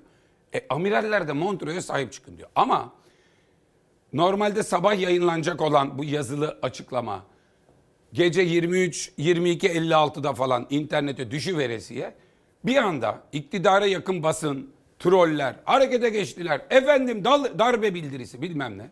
Tabi burada Süleyman Soylu bence çok kusurlu. Diyor ki Niye? sabaha kadar uyumadım diyor. Bu belgeyle ilgili diyor imzayı atanları Çalıştık. diyor sabaha kadar çalıştım diyor. Kan çanağı gözlerle bulduğu şu dört tanesi diyor CHP üyesi çıktı diyor. Birincisi gurur duyarız. Yani keşke 30 tanesi çıksaymış. 15 yaşında girmiş. 65 yaşına kadar hep en üst düzeyde sicil almış. Görevini iyilikle yapmış. 15 Temmuz gibi bir sınavdan alnının akıyla hatta fazlasıyla çıkmış. Örneğin Can Erenoğlu. Eskiden komutanı olduğu sahil güvenlik komutanlığına sivil kıyafetle gidiyor.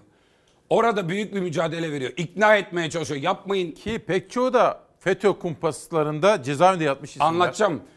Yapmayın etmeyin diyor. Orada ateş ediyorlar üzerine.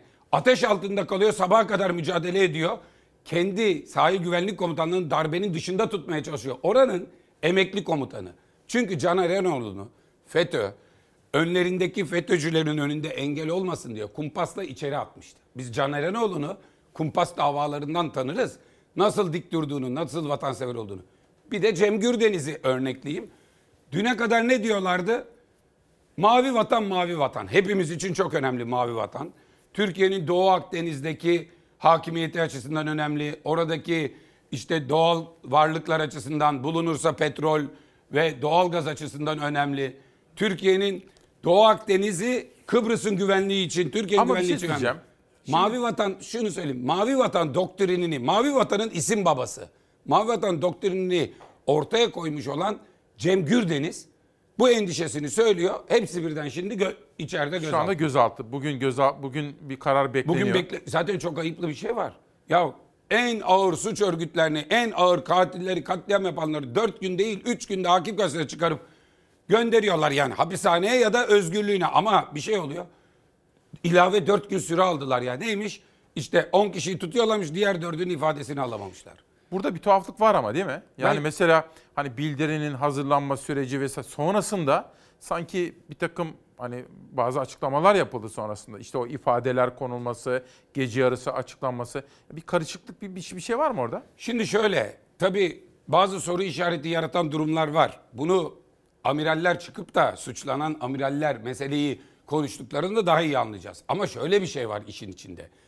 Amirallerin ortaya koydukları yazılı açıklama amiral ünvanlarıyla yapılsa vallahi ben de karşı çıkarım. Siz karışmayın bu işe derim. Veya siz bu bilgileri Milli Güvenlik Kurulu'nda konuşsun komutanlarınız derim. Ama emekliler ve bir emekli amiral general siyaset yapmayacaksa ki yaptıkları siyaset de değil. Velev ki siyaset olsun. Hulusi Akar nedir? Hulusi Akar da emekli generaldi. Perdenin arkasına üniformayla girdi. Meğersem partili genelkurmay başkanıymış. Kravatı taktı bakan oldu çıktı karşımıza. Bunların pek çoğu 5 yıldır, 6 yıldır, 3 yıldır emekli. Hulusi Akar'ın bir gün emekliliği var mı? Tak geldi aktif siyasi AK Parti kongrelerine gidiyor. Yani böyle bir şey olmaz. İnsanların görüş açıklama özgürlükleri var. İçerikte zaten bir sorun olmadığını artık her şey ama zamanlama mı manidar bilmem ne mi?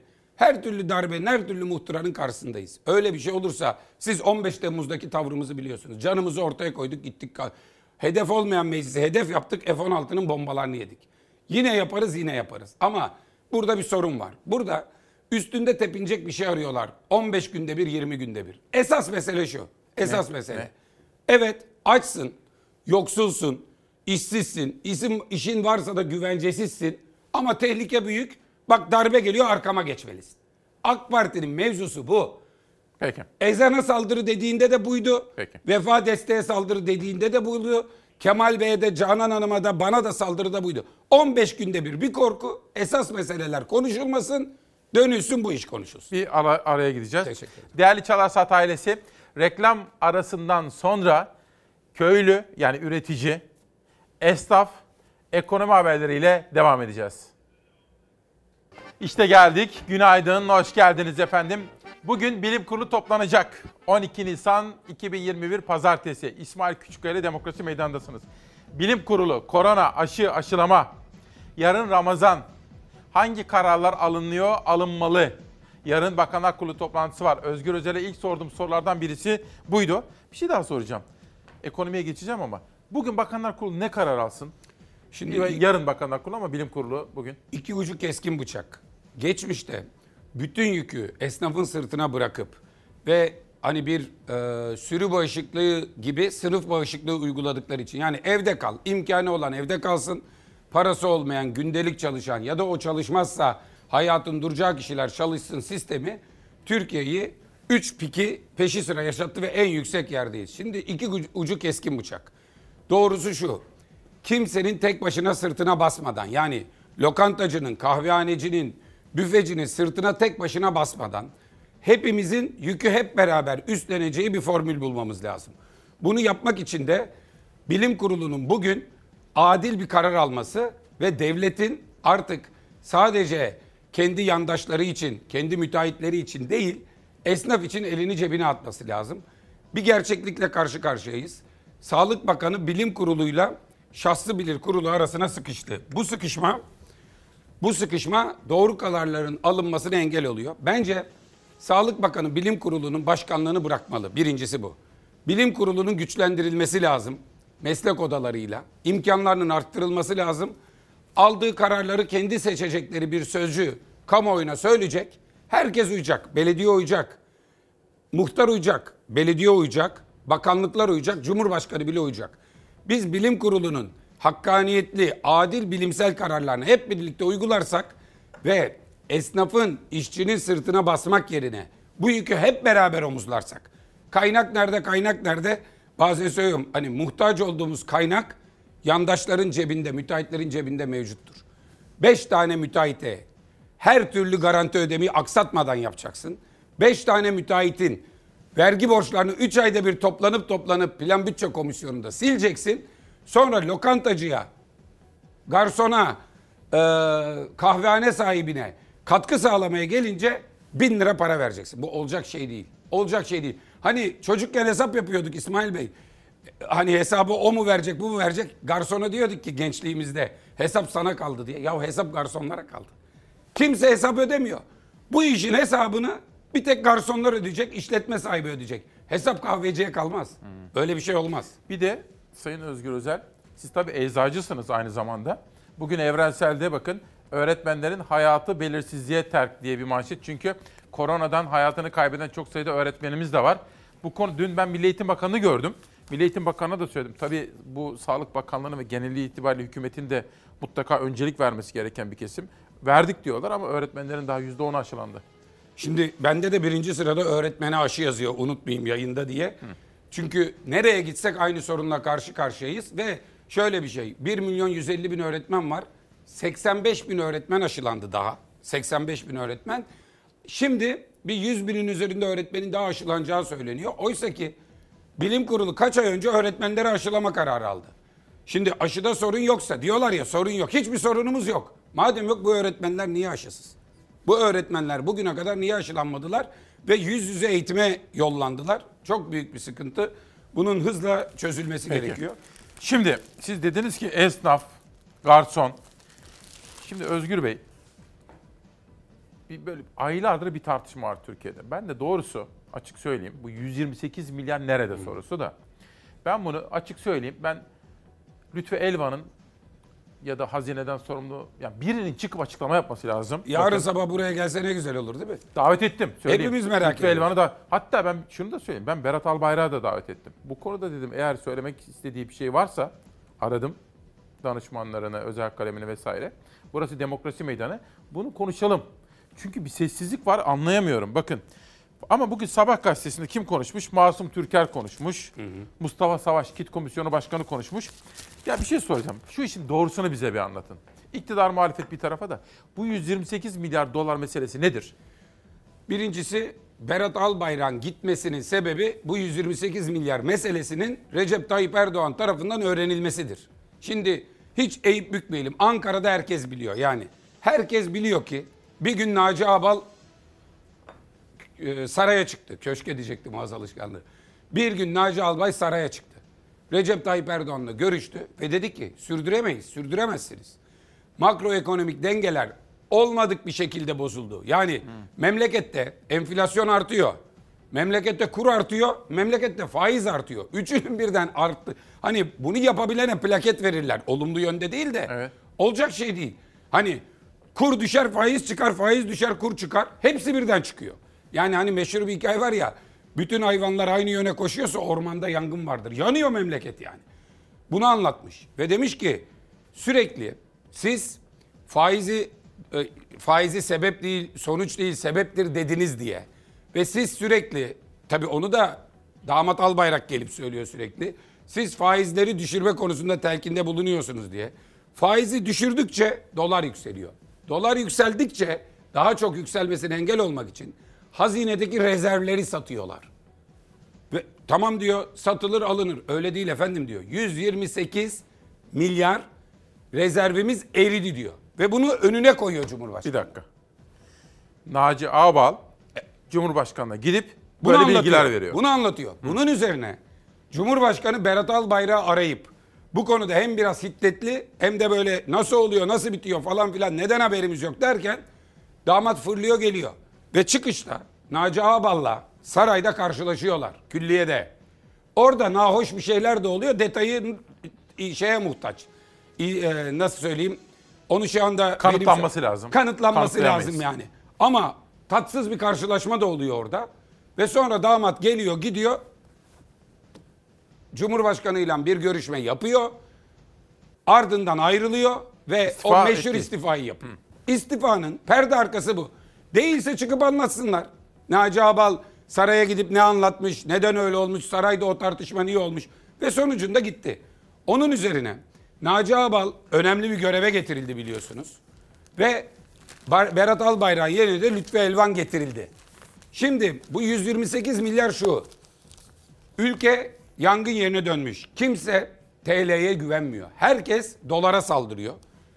Özellikle Borsa İstanbul'dan tarihin en dibindeyiz Borsa İstanbul'da yabancı yatırımcı. Yabancı yatırımcı giderken çıkarken nasıl çıkıyor? Hisse senedini satıyor. Doğru mu? TL. TL'yi verip karşılığında ne alıyor? Dolar. O doları alıp gidiyor. O doları alırken herkes dolara saldırınca dolar 15 lira olmasın diye eldeki dolarları sattılar. Bitti.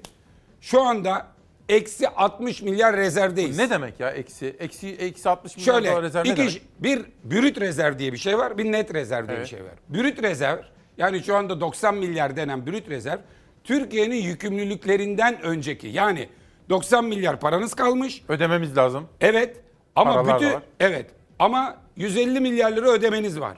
Bu 150 milyar liralık ödemeyi yaptığınızda eksi 60'a giriyorsunuz. Bu da net rezerv, gerçek paranız. Yani bugün dükkanı kapattık. Alacaklılar geldi. Bütün borçları ödedik. 60 milyara gel son para sıfırlandı hala 60 milyar borcumuz var. Özgür Bey bak bugün sabah da bugünkü haber Türkiye'nin kaybolan rezervi yok. Tabii ben gönlüm ister ki bakın tekrar ediyorum. Keşke doğru olsa. Demokrasi meydanına Lütfü Elvan da gelebilir veya kim istiyorsa hatta Berat Bey, Berat Albayrak gerçi bıraktı o ama arzu ediyorsa o da olur. Masum Türker söylüyor, Mustafa Savaş söylüyor bunu efendim. Ya bunu Lütfü Elvan'ın çıkıp söylemesi lazım. Şimdi birinci Rezervimiz söyleyemez. duruyor. Niye? Yani şöyle söyleyeyim. Üç, şöyle yapalım. Durmuş Yılmaz, Merkez Bankası'nın eski başkanı İyi Parti'den. Cumhuriyet Halk Partisi'nden ekonomi masamızın değerli yöneticilerinden bir tanesi. Davet Faik edilsin. Öztürk mesela. Faik Öztürk gelsin. Selin Sayıkvöke gelsin. Aykut Erdoğdu gelsin. Yani birisi gelsin. Lütfi Bey de gelsin. Siz de hani yaptınız ya tarihi bir oturum yönettiniz Evet, evet, İstanbul. evet. Yönetin bir oturum. Hepsi konuşsunlar vatandaş dinlesin. Ama Lütfi Elvan şu açıdan gelemez. Şimdi Lütfi Elvan'ı ben tararım. Bir de yaptıkları iş hokus pokuslan olacak bir iş değil. Olmayan rezerve var diyemez. Bugün Türkiye'nin bütün göstergelerinde bakın swap hariç 41 falan diyorlar. Swap dahil 60. Eksi 60 milyar net rezervimiz var. Dükkanı kapadık 60 milyar eksideyiz. Bunu herkes biliyor. Zamanında da e, 138 milyar brüt rezervle övünmeyi biliyorlardı. Yani o yüzden o yüzden mesela ha bir de ben şunu isterim. Keşke olsa. Bakın Cumhurbaşkanı diyor ya paranın gittiği yok diyor önce. Tamam. Yavaş yavaş rezervimiz toparlanıyor diyor. Ya toparlanıyorsa yok olmamış olması lazım. Düşmüş olmaması lazım. Düşmüşse toparlanıyor olmaması lazım. Para varsa para. O zaman müjdeler olsun herkese. Çünkü bugün bi- bizim büyük sıkıntımız ne? Kaynak yok sıkıntısı değil mi? Kaynak yok sıkıntısı. Esnafın, çiftçinin, işçinin, işsizin bugün 6 milyar toplamda para dağıttı bizimkiler bakın.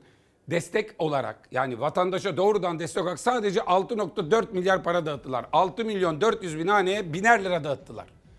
Şu anda ortada olmayan para 1 trilyon 50 milyar lira para. Yani bak 6 dağıttık 1 trilyon 50 küsuratı bile 50. Fakire dağıtılanın 10 katı. Varsa dağıtsınlar. Peki. Bir son dakika gelişmesi var. Savaş söyle. Şu andan itibaren Savaş Yıldız kardeşim yönetmen koltuğunda ve beni bilgilendiriyor. Evet. Ha size sorayım hem de bunu. Şubat ayı işsizlik rakamları açıklandı. Resmi rakamlara göre Şubat ayında işsizlik 13.4 olmuş. Özgür Özel'e soralım. Bir, bir puanlık falan artış var herhalde. Yaklaşık değil mi? 0,7 Ha, artış. tamam. 12.7 idi 13.4 olmuş. Yani işsizlik artmaya devam. Hem de kimin rakamı? TÜİK. Tayyip Erdoğan'ı üzmeyen istatistik kurumu. Her yolu deniyorlar düşük göstermek için. Ee, e, işsizliğin artıyor olması zaten sahadaki feryadın, sokaktaki feryadın, gençlerin feryadının yansıması. Bu en dar tanımlı işsizlik. Geniş tanımlısı var bunun. Yani iş aramaktan bıkmış olanlar burada yok. Geceliğin geçici işte çalışıyor diye aslında gündüz iş arayanlar burada yok. İş arama e, son bir aydır başvurmamış olanlar burada yok. Ve gerçek işsizlik yüzde 25. Geniş tabanlı işsizlik. Genç işsizliği yüzde 40'a dayandı. 10 gençten 4 tanesi. Ben hafta sonu Salihli'de gezdim. 14'ten 4'ü işsiz diyorduk ya. Valla 10 gençten ikisinin işi vardı. 8'i işim yok Özgür abi iş arıyorum diyordu. Salihli'deki kafeteryalarda Salihli'nin caddesinde. Bir son dakika gelişmesi daha vereceğim. Amirallerle ilgili. Savaş onu da söyle. Şimdi peki ben gerisini anlatırım. Şimdi bu amiraller, amirallerin gözaltı kararları vardı ya. Oradaki dört amiralin yaşları nedeniyle gözaltı kararı verilmemişti. Onlara davetiye çıkarılmıştı. Aslında hepsine davetiye çıkarılabilirdi. Tabii canım. 70 yaşlarındaki insanlar gelirler, devlete o kadar hizmet etmişler. Varsa bir sorgu orada yapılabilirdi. İşte o yaşları nedeniyle gözaltı kararı verilmeyen 4 amiral emniyete geldi. İfade için geldi. bu konuda söyleyecek başka bir şeyiniz var mı? Vallahi Amiraller şö- konusu. Vallahi şöyle amiraller konusunda Montreux'de sahiyelerinde milli mütabakat sağlandı. Montreux'u gözden çıkaran yani amiraller endişeliydi ama Devlet Bahçeli'nin açıklaması, Erdoğan'ın açıklaması, bütün siyasilerin açıklaması baktığında amiraller sayesinde Montreux'de milli mütabakat sağlandı. E bir de sarıklı amiral meselesi var. O şunu söylemek lazım Recep Tayyip Erdoğan'a. Darbe paranoyası, korkusu yaşanıyor. Bütün ülkeye yaşatılıyor. Darbeden korkuluyorsa amiralin emeklisinden değil sarıklısından korkacaksın. 15 Temmuz'da o alnı secdeye değiyor diye iltimas edilenler, liyakatına değil de sadakatine bakılıp yükseltilenler darbeye kalkıştı o. Bir de hep saat konusunu mevzu yaptılar. Ge- neden gece yarısı Neden gece yayınladı? yarısı? Neden gece yarısı? Zaten onlar sabah diye imza vermişler. Gece yarısı erken sızmış falan ama kardeşim neden gece yarısı sorusunu en son soracak parti AKP en son soracak kişi Recep Tayyip Erdoğan. Rektör atarsın gece yarısı. Bakan azledersin gece yarısı. Bakan atarsın gece yarısı. Merkez Bankası Başkanı değiştirin gece yarısı. İstanbul Sözleşmesi'nden çıkarsın gece yarısı. Amirallerin yacıklığı açıklaması neden gece yarısı? O zaman gündüz bir karar imzala da bundan sonra gece yarısı hiçbir şey yapılmayacak diye bütün vatandaş uysun o zaman bunu olacak Peki. şey mi? Şimdi bir bilgiyi de vereyim. Hani sarıklı amiral konusuna değindiniz. Cumhurbaşkanı Erdoğan bu sarıklı amiral konusunda da biz de olumlu bakmıyoruz dedi. Biz de eleştiriyoruz Nihayet. dedi. Genelkurmay da gerekeni yapıyor. Milli. Savunma da gerekeni Nihayet, yapıyor dedi. Nihayet. Yani Sarıklı Amiral görüntüsünü gördüğünde her şeyde derhal konuşan Erdoğan, Fahrettin Altun, ilgili bakanlar derhal konuşaydılar da dakikalar içinde her şeye tweet atanlar ataydılar da Sarıklı Amiral tartışılmaydı. Biz de deseydik ki tebrik ediyoruz alınması gereken tavır budur arkasındayız. Peki. Şimdi bir de bugünkü gazeteleri beraber okuyalım mı? Tabii memnun Peki. Karar Gazetesi bugün İbrahim Kahveci imzalı çok çarpıcı bir habere imza atmış. Hatta bir de hafta sonunda ben siz yayına geleceksiniz diye hazırlık yaparken İmamoğlu'nun bir videosunu gördüm kanalla ilgili. Onu da izletelim. Kanal İstanbul'da yabancı gemilerin geçiş garantisi vatandaşın cebine yükleniyor. İtirazlara rağmen inadına yapacağız denilen Kanal İstanbul'da bir neslin geleceğini ipotek altına alacak vahim tablo. Projeye hazine garantisi öngörülüyor. Hazine ön garantisi. Hatta bugün Sözcü'de Çiğdem Toker de bu hazine garantisiyle ilgili detaylara yer vermiş. Ancak rakam köprü ve otoyolları kat kat geçecek. Mesela Osman Gazi Köprüsü'ne verilen 13 milyar dolar devlet garantisi. Kanala gelince, Kanal İstanbul'a gelince bu rakamın 300 milyara çıkacağını söylüyor İbrahim Kahveci. Bu konuda İmamoğlu'nun karşı çıkan bir videosu vardı. Hazır mıyız? İzleyelim.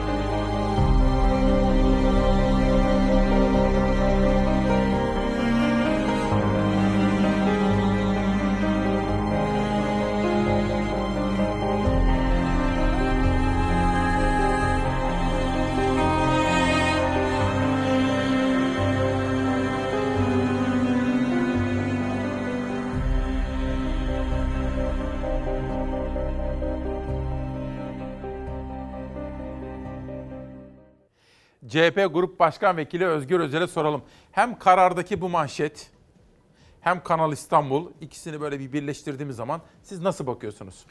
Şimdi bu devlet garantisi vermek böylesi bir projede kendinden sonraki hükümetleri de bağlayacağı için son derece yanlış, son derece sakıncalı bir şey. Özellikle bu hastanelere hasta garantisi. Diyorlar ya hasta garantisi yok. Tahlile garanti veriyor. Röntgene garanti veriyor. Kime yapılacak? Hasta tavşanlara çekilmiyor bu tahliller. Hastaneye hasta garantisi, köprüye geçiş garantisi, havaalanına iniş garantisi veriyorlar ya. Bunu 25 yıl, 30 yıl süreyle sürdürüyorlar ya. Bu gelecek nesillerin yani dedemizden aldığımız mirası torunlara bırakacağız. Bırakmayı bırak borç bırakıyorlar. Bu kabul edilebilir bir şey değil.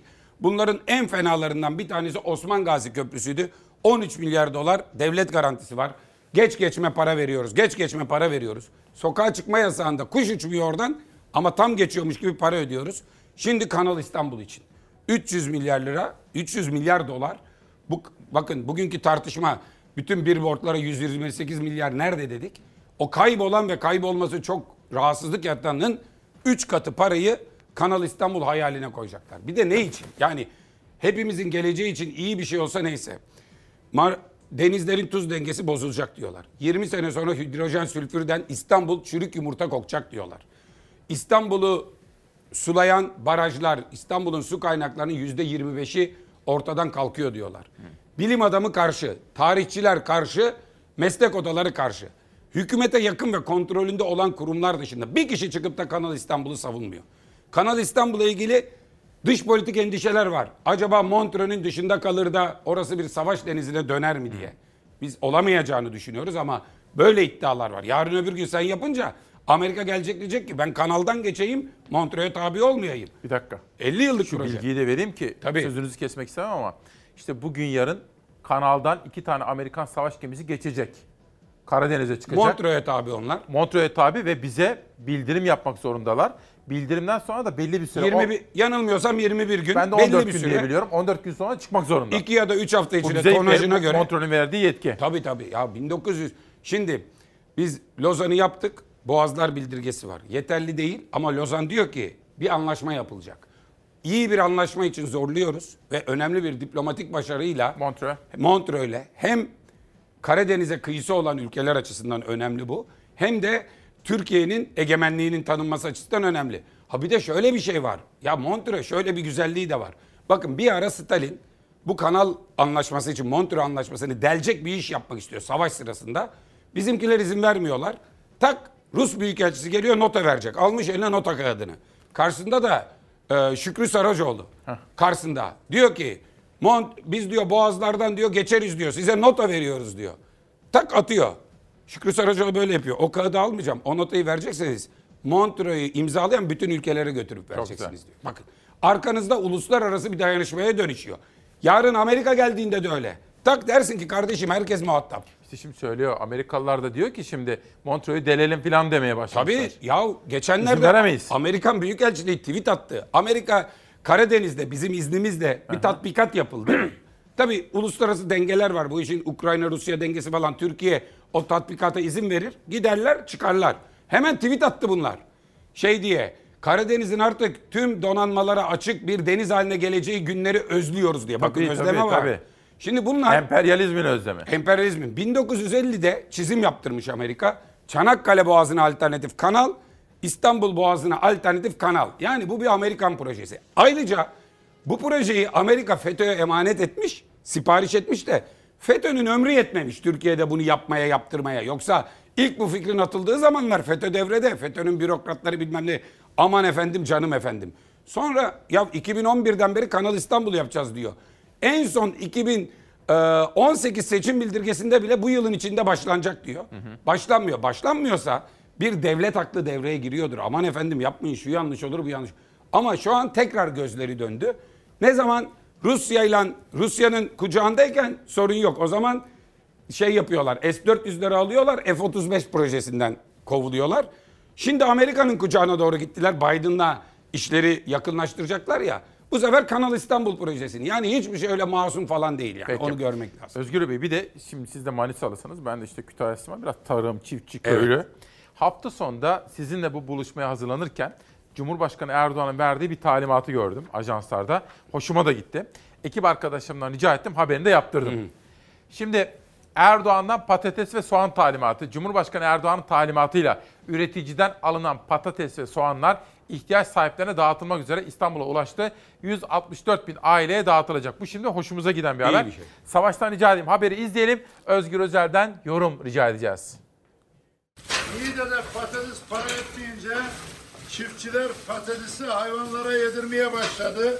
Artık patates hayvan yemi durumuna geldi. Bekledikleri borç yapılandırması gerçekleşmedi, yapılandırılacak borçlarına da faiz ödeyecek olmaları çok tartışıldı. Pandeminin en ağır yükünü taşıyan kesimlerden biri çiftçiler, depoda filizlenen ürünleriyle ilgili de uzun süredir seslerini duyurmaya gayret ediyordu. Ben bu patatesi 1 liraya mal ediyor. Gelsin bunun üstüne fiyat verecek varsa gelsin alsın depomda. Satışları azaldığı için depolarda bekleyen patates ve soğanları Toprak Mahsulleri Ofisi üzerinden satın alarak ihtiyaç sahiplerine hibe olarak bu Ramazan öncesinde dağıtmayı kararlaştırdı. Cumhurbaşkanı Recep Tayyip Erdoğan açıkladı. Şehir şehir alım haberleri gelmeye başladı.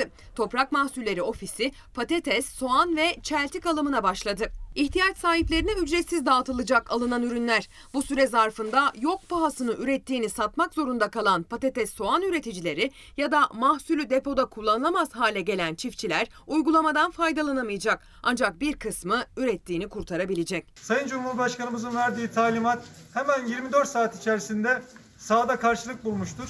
Ekiplerimiz alımları organize ederek şu an çiftçilerimizin deposundaki soğanlar kamyonlara yüklenmeye ve 81 ilimize ihtiyaç sahibi vatandaşlarımıza ulaştırılmaya başlanmıştır. 1 milyon 250 bin ton patates ve yaklaşık 300 bin ton soğanın yanı sıra çeltik alımının da yapılacağını duyurdu Cumhurbaşkanı Erdoğan.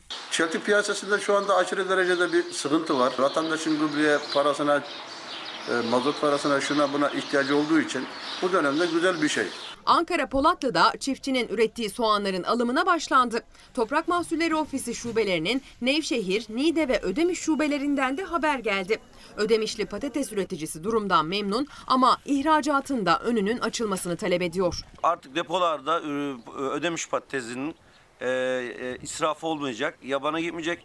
E, Ramazan dolayısıyla değerlenmiş olacak. Bu şekilde ihracatı da sağlansa daha iyi olur. Konuyu biraz böyle tarım, üretici, köylü bu temel konulara getirelim. Yani buna nihayet demek lazım. Ömer Fethi Gürer, zaman zaman siz de yer veriyorsunuz. Niğde milletvekili. Aylardır bu tehlikeye dikkat çekiyor ve mutlaka devlet alım yapmalı. Gariban da diyor hiç olmazsa bir patates aşı kaynatır diyor. Hafta sonu daha doğrusu perşembe günü Afyon'un il, e, ilçelerindeydik, beldelerindeydik. Burcu Köksal her gittiğimiz yerde devlet bu patatesleri almalı dedik. Özkan Yalım Uşak milletvekili söyledi. İzmir milletvekilleri ödemişti patates için söyledi. Samsun milletvekili Kemal Zeybek defalarca çağrıda bulundu. Bu Cumhuriyet Halk Partisi'nin hükümete yaptığı e, pozitif, yol gösterici, yön verici muhalefetin bir sonucudur. Bu yapılmış iş doğrudur. Yetmez. Çok daha fazlası olmalı. Bir de şöyle bir şey var. Bu üreticinin malını alıp depoya koyup bugüne eremeden kaybedenleri var. Yani çürümüş olanlar var. Esas iflas noktasına gelenler onlar. Devletin kontrollü bir şekilde yani bunlar milli servet. Bunlar çiftçinin elinde kalamaz. Hele hele Türkiye'de açlık, yoksulluk hatta dünyada açlık, yoksulluk varken Türkiye'de depolarda bir ürünün çürümesi değil. Devlet alacak, dağıtacak. Aylardır bunu söylüyoruz. Buna da yetmez ama evet diyoruz. Peki. Şimdi bir de Cuma veya Cumartesi günüydü. Kemal Kılıçdaroğlu bir televizyona çıktı. Haber Global'e. Buket Aydın'ın sorularını yanıtladı. Şimdi onun tabii siyasi demeçleri falan çok farklı yerlerde yansıması oldu gazetelere, televizyonlara. Fakat şimdi çok konuşulan ve size de mutlaka sormak istediğim espritüel bir haber var. Şimdi Tunca Özkan diyor ki Buket Aydın hep gülsün şans getiriyor diyor. Ben buna baktım. Acaba dedim videoyu bir daha sardım gelsin. Buket Aydın Erdoğan'la Cumhurbaşkanı yarışına girerseniz kazanacağınızı düşünüyor musunuz? Kemal Kılıçdaroğlu en ufak bir endişem yok. Dolayısıyla bir kahkaha atabilirsiniz. Yönetmenimden rica edeceğim. O bölümü bir kısacık bir video olarak izleyelim. Özgür Özel'e soracağım. sonbahara kadar gidemezler dediniz. O dönemde bir seçim olsa siz iktidara gelebileceğinizi düşünüyor musunuz? Anketler yaptırıyorsunuzdur muhtemelen.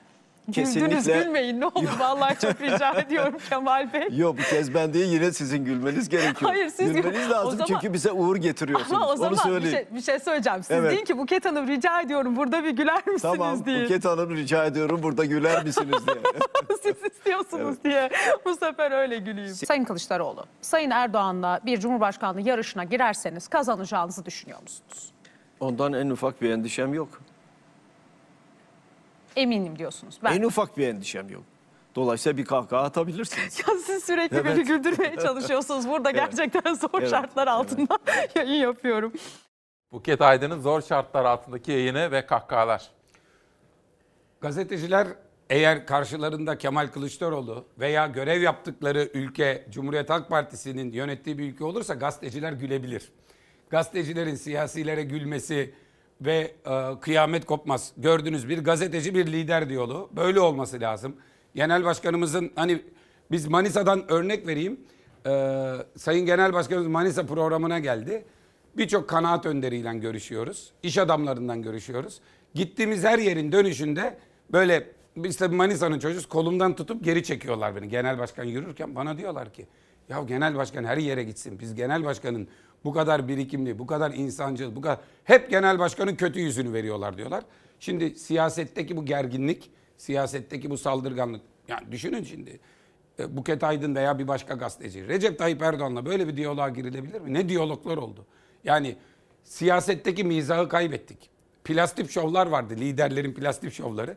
Alıyordu sizin gibi gazeteciler o plastik şovlarla sohbet ediyor. İkisini birden siyasinin kendisiyle taklitini aynı anda ana habere çıkarıyorlardı. Ve siyaset yumuşuyordu, gülümsüyordu. Bu ülkenin en büyük sorunu kutuplaşma. Çok endişeyle takip ettiğim bir şey var. Aslında çok zevkle takip ediyorduk ilk başta sokak röportajları. Kimi AK Parti'yi destekliyor. Ya sokak röportajlarında millet gerilmeye, birbirine küfretmeye, birbirine hakaret etmeye başladı. Yani siyaset o kadar kötü örnek oluyor ki bu gerginlik, bu AK Parti iktidarının her gün dozu biraz daha yükselten darbe olacak, saldırı var, ezanımıza saldırdı, ordumuza saldırdı, bana saldırdı hissiyatıyla sürekli bir korku pompalıyorlar ve o korku sokakları germeye başladı. Mikrofon uzatıyor vatandaşa. Yan yana iki vatandaş. Onlar aslında iki komşu. Onlar aslında iki kardeş. Onlar aslında iki esnaf. Sen ne diyorsun? Birisi hükümetten şikayet ediyor. Öbürü diyor ki yazıklar olsun başlıyor dünyanın lafını söylüyor. O ona o ona itişiyorlar kakışıyorlar. Türkiye'nin gülmeye, Türkiye'nin yumuşamaya, Türkiye'nin kutuplaşmaya değil kucaklaşmaya ihtiyacı var. Peki. Biz komşuları birbirine düşürmek değil, birbirlerine sarıldırırsak, birbirlerine sarılmalarını sağlarsak siyaset doğru bir iş yapıyor demektir.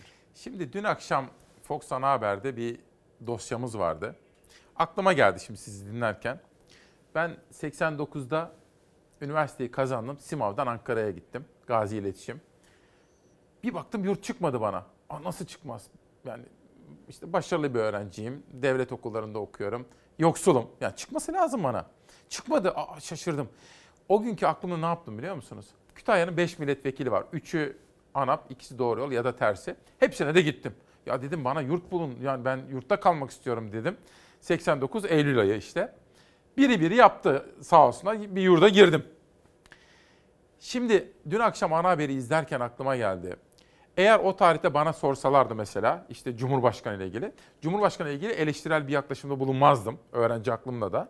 Ama bir parti lideri ile ilgili eleştirel bir şeyde bulunurdum. Çünkü demokratik bir ülkenin hak sahibi ve akıl sahibi sorgulayan yurttaşlarıyız. Fakat bugün öyle bir haber var ki bunu mutlaka sizin yorumlamanızı istiyorum. Savaş hazır mıyız? Kredi Yurtlar Kurumu yurtlara girecek öğrenciler ve belirlenen kriterler.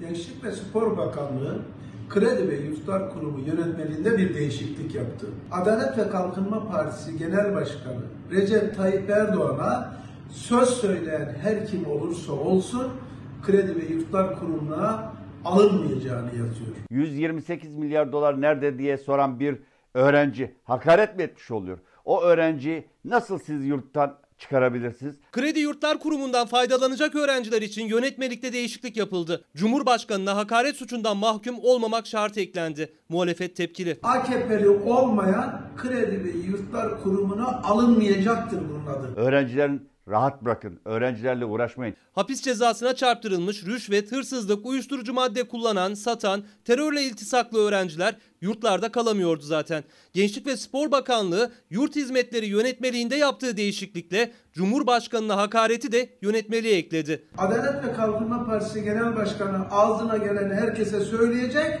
ama politik bir eleştiri yaptı diye gencecik çocuklarımız Kredi ve Yurtlar Kurumu'ndan yararlanmayacak. Öğrencilerin Kredi Yurtlar Kurumu'nda kalabilmesi için Cumhurbaşkanına hakaret etme suçundan mahkum olmaması şartı aranacak. Eğer yurtta kalırken bu suçu işlerse öğrencinin yurtla ilişiği kesilecek. Cumhurbaşkanına hakaret suçu yeniden tarif edilmeli bu sistem içerisinde. Şu anda Cumhurbaşkanı bu ucube sistemde yürütmenin başı. Yürütmenin başı eleştirilir. Bu devletin malı. Devletin Kredi ve Yurtlar Kurumu'na bu devletin çocukları girecek ve o yurtlarda kalacak. Babanızın malı mı o yurtlar? Muhalefet Cumhurbaşkanının AK Parti Genel Başkanı sıfatı olduğunu da hatırlattı. Öğrencilerin eleştiri hakkı kısıtlanamaz diyerek tepki gösterdi. Bu öğrenci bu sistemi eleştirmezse, öğrenci sorgulamazsa prototip komünist rejimlerde olduğu gibi bir öğrenci yetiştirsin. Muhalefet değişiklikten geri adım atılmasını istiyor. Şimdi şöyle bir sorun var bu yeni sistemde Özgür Bey. Bir tarafta Cumhurbaşkanı, devletin başı fakat bir tarafta bir partinin lideri. Tam bir saçmalık. Bir kere şöyle bir şey var. Yani bu yaptıkları iş aslında mertliğe, yiğitliğe sığmaz. Ellerinde anayasayı değiştirmek için öneride bulundular. O hal şartlarında rejime kasteden anayasa değişikliği kıl payı geçti. O sırada ellemedikleri maddelerden bir tanesi Cumhurbaşkanına hakaret meselesi. Yani uyum yasaları sırasında direkt şunu yapmaları lazımdı. TCK 299 kaldırılmalıdır. Neden? TCK 299 normal bir kamu görevlisine hakaretten daha ağır şekilde eleştiriyor Cumhurbaşkanı. Niye? Partisi yok. Yemin etmiş, geniş bir mütabakatla seçilmiş Cumhurbaşkanı orada duruyor. Devleti temsil ediyor. Dosta düşmana karşı devleti temsil eden biri var. Sen niye gidip hakaret ediyorsun tarafsız Cumhurbaşkanına? diye düşünülmüş ve bir madde konmuş. Bence ona da gerek yok. O da yani hiç gerek yok öyle bir madde. Zaten kamu görevlisine hakaret suçu diye bir suç var. Ama tarafsız Cumhurbaşkanı için konulan bu maddeyi bu Cumhurbaşkanı da kullanıyor, istifade ediyor, hatta istismar ediyor. Yani kendinden önceki Cumhurbaşkanlarından 70 kat, 80 kat fazla dava açılmış. 27 bin dava var. 18 yaşının altında 2500 kişiye açılmış dava var. Ve bunların içinde mahkum edilmiş olanları var. Gerçekten kabul edilebilir bir şey değil. Eskinin Cumhurbaşkanı etliye sütlüye çok fazla karışmayan, siyasetin aktif siyasetin içine girmeyen, temsil görevini yapan, kurumlar arası eşgüdüm sağlayan birisiydi. Şimdinin Cumhurbaşkanı günde 5 kere 10 tane canlı 10 televizyonda birden canlı yayında siyasi muhataplarını eleştiren, hakaret eden, bazen iftira atan, bazen küfreden hatta öyle noktaya geliyor ki küfür duyuyoruz. Ve buna cevap veriyorsunuz. Verdiğiniz cevapta 299 var. Ya olmaz ki hani diyorlar ya çocuk bunu yapana şey derler yani. Ya papucu yarım çık dışarıya oynayalım derler. Yani olacak şey değil. İlk önce bir gel bakalım sen o 299 zırhından. Şimdi bir de bunu üniversitede öğrenciler için uygulamaya kalkıyorlar. Bir kere hukuken bir fecaat. Zaten Cumhurbaşkanı hakaret suçunun bir cezası var. O ceza uygulanabilir, ertelenebilir, paraya çevrilebilir. Ama bir cezası var. Kredi Yurtlar Kurumu bu cezaya ilave bir ceza koyuyor ve işte Simav'dan gelmiş yoksul bir öğrencinin barınma hakkını evet. yani okuma hakkını elinden alıyor. Zaten çocuk bir hata yaptıysa, genç bir hata yaptıysa, kanuna göre bir hata yaptıysa bence yaptığı hata da değil. Ona kanunların verdiği bir ceza var. Hakim Bey takdir etmiş. Ve hükmün açıklanmasını geri bırakmış o 5 yıl içinde bir daha yapma bakayım dedi yolladı. Nereye yolladı? Yurda yolladı ya. Sen bu çocuğu sokağa atarsan başka suçlara karışır. Okumazsa hayatını kaydırırsın. Bir suçun bir cezası olur. Maalesef kanunlarda belirlenmiş. Biz 299 kalkmalı derken buna ilave cezalar getirmek bu Kredi Yurtlar Kurumu Cumhurbaşkanından haberli yapıyorsa yazıklar olsun Cumhurbaşkanına. 18 yaşında çocuklarla mı uğraşıyor? Habersiz yapıyorsa bu kadar yalakalığa da yazıklar olsun. Şimdi hafta sonunda galiba cumartesi akşamıydı ana haber bültenimizde bir haber vardı polislerimiz. Biz takip ediyoruz. Sizin de daha evvel burada yaptığınız, Çalar Saat'te yaptığınız bir açıklamadan da yola çıkarak 3600. Evet. Bakın bu takipçisi misiniz bu mesele? Hem Polisin, nasıl? din, diyanet görevlimizin, öğretmenimizin, hemşiremizin. hemşiremizin. Hem de nasıl? Cumartesi günü Salihli'deydim. Hı. Emekli Polisler Derneği'nde e, şehit polislerimizin, dört şehit polisimizin eşi pilav yaptı. Hayır pilavı. Oturduk hep beraber yedik. Daha sonra aktif polislerimizi temsilen de Salihli'deydim. Türkiye'nin neresinde olsam oraya giderim. Salihli'nin emniyet müdürünü ve gencecik polisleri ziyaret ettim. Birincisi şöyle bir durumla karşı karşıyayız. Bu 3600 ek gösterge meselesi nasıl bir noktaya gelmiş? Bugün de bazı gazetelerde var. Polisler şehit olmaktan korkmuyor, emekli olmaktan korkuyor. Çünkü emekli olduğunda çoluğu çocuğu ortada kalacak. Öyle bir noktaya gelmiş ki iş, polis çalışırken aldığı çocuk yardımını, eş yardımını emekli olacak kesiyor. Sanki diyorlar ki eşimizi boşamışız gibi. Bu polisin durumu şu. Darbe girişimi olur, aylarca polis gece gündüz çalışır. Maç olur, polis çalışır. Seçim olur, polis çalışır. Miting olur, polis çalışır. E, sokağa çıkma yasağı olur, evde oturalım diye polis çalışır. Ama ne kadar çalışırsa çalışsın bir, bir lira ek ödeme almaz. Bir lira fazla mesai almaz. Çalıştığı saatler için ilave izin hakkı almaz. Mevcut, mevcut izinlerini kullanamaz. İkide bir izinler kaldırıldı göreve. Şimdi bunun arkasındayız. Hatta bir çağrı yaptık. Beş siyasi partiye diyoruz ki mecliste bir özel oturum, polisimizin sorunları ve 3600 ek gösterge. Başta polisimize yani en eski onlara ama öğretmenlere, hemşirelere, din görevlilerine, infaz koruma memurlarına verilmiş önemli bir sözdür. Bu sözü tutmamız lazım. Peki harika. Şimdi devam edeceğiz. Son söze kadar birlikteyiz ama kültür sanattan da mutlaka haber vermek istiyorum. Sizlere sözüm var biliyorsunuz. Güven Karabenli Bir Söz, Bir Şiir, Bir Yaşam, Bir Adam adlı kitabıyla bizimle birlikte. BAFTA, kültür sanat haberlerinden BAFTA. And the BAFTA goes to Francis McDormand for Nomadland. İngiliz Sinema ve Televizyon Sanatları Akademisi BAFTA töreni bu yıl 74. kez düzenlendi. Koronavirüs tedbirleri çerçevesinde çevrim içi gerçekleşen törende ödüller sahiplerini buldu. Aday gösterildiği her törenden ödüllerle dönen Nomadland BAFTA'ya da damga vurdu. İngiltere'de sinema salonları bir yılı aşkın süredir kapalı. Ülkenin en prestijli ödül töreni BAFTA'ya da virüs gölgesi düştü. Londra'nın Royal Albert Hall salonunda 74. yıl coşkusu eskisi gibi değildi. Katılımcılar törene çevrim içi bağlandı. And the BAFTA BAFTA'ya Amerikan yapımı Nomadland damga vurdu. Sürpriz olmadı çünkü Nomadland altın küre dahil katıldığı her törenden ödüllerle döndü bugüne kadar. Göçebe yaşam tarzını benimsemiş bir kadının hayatından kesitler sunan Nomadland en iyi film, en iyi yönetmen, en iyi kadın oyuncu ve en iyi görüntü yönetmeni dahil toplam 4 ödül kazandı. What the nomads are doing is not that different than what the pioneers did. Nomadland'in yönetmeni Chloe Zhao, BAFTA'nın 74 yıllık tarihinde en iyi yönetmen ödülünü kazanan ikinci kadın oldu. 74 yılda sadece iki kadın yönetmenin ödül alması sinemada bir kez daha cinsiyet eşitliği sorununu gündeme taşıdı. One of the things I love most about this life is that there's no final goodbye. Performansıyla çok konuşulan filmin başrol oyuncusu Frances McDormand en iyi kadın oyuncu ödülünü kucakladı. McDormand 26 Nisan'da düzenlenecek 93. Oscar ödüllerinde en iyi kadın oyuncu kategorisinin de en güçlü adayı. And I can be certain in my heart I'll see you again. En iyi İngiliz filmi türü kara komedi olan Promising Young Woman'a gitti. Demans hastası bir adamı canlandıran Anthony Hopkins de The Father filmiyle en iyi erkek oyuncu ödülünü kucakladı. Efendim bir araya gideceğiz. Dönüşte son soru ve son sözü de Özgür Özel'e bırakacağız. Yeni haftayı beraber karşıladık. 12 Nisan 2021 Pazartesi İsmail Küçükkaya ile Demokrasi Meydanı. Bu akşam bilim kurulu var. Korona ile ilgili haberlerimiz oldu. Yarın Bakanlar Kurulu var. Yarın Ramazan başlıyor. Özgür Özel ile Demokrasi Meydanı'nda konuşuyoruz. Milli Eğitim Bakanı ile yaptığım temaslardan, görüşmelerden sizlere özet sundum. Datça'yı takip ediyoruz. Bergama haberi yarına. Özgür Özel'in de altını çizdiği gibi Soma ile ilgili dava yarın. Yarına bu konuda Çalarsat gazetesi olacak. Özgür Özel'e son sözü bırakmadan evvel bugün yapacağım kitap tanıtımları. Profesör Doktor Nazmi Bilir. Türkiye'de dünden bugüne iş sağlığı, iş güvenliği hizmetleri. Yunus Acar'ın yeni kitabı Düşlemek mi Yaşamak mı? Durmuş Ali Gültekin Aklımın Seyir Defteri isimli kitabıyla bizimle birlikte ve Emir Kunt da Meltem isimli kitabıyla. Özgür Bey, Demokrasi Meydanı'na geldiniz ve katılım yaptığınız için, katkı verdiğiniz için teşekkür ediyorum sorularımızı yanıtladığınız için. Fakat şöyle bir Türkiye'ye hani diyoruz ya bütün Türkiye bizi izliyor. Son olarak deneyimli bir siyasetçisiniz. Yaşınız genç ama artık deneyim kazandınız. Halkımıza ne söylemek istersiniz? Birincisi şunu söylemek isterim. Bu biz sordukça suçmuş gibi afişler falan toplatılıyor. 128 milyar nerede diye. Bunu şunun için soruyoruz. Dedemizin, ninemizin alın teri onlar, bizim rezervlerimiz.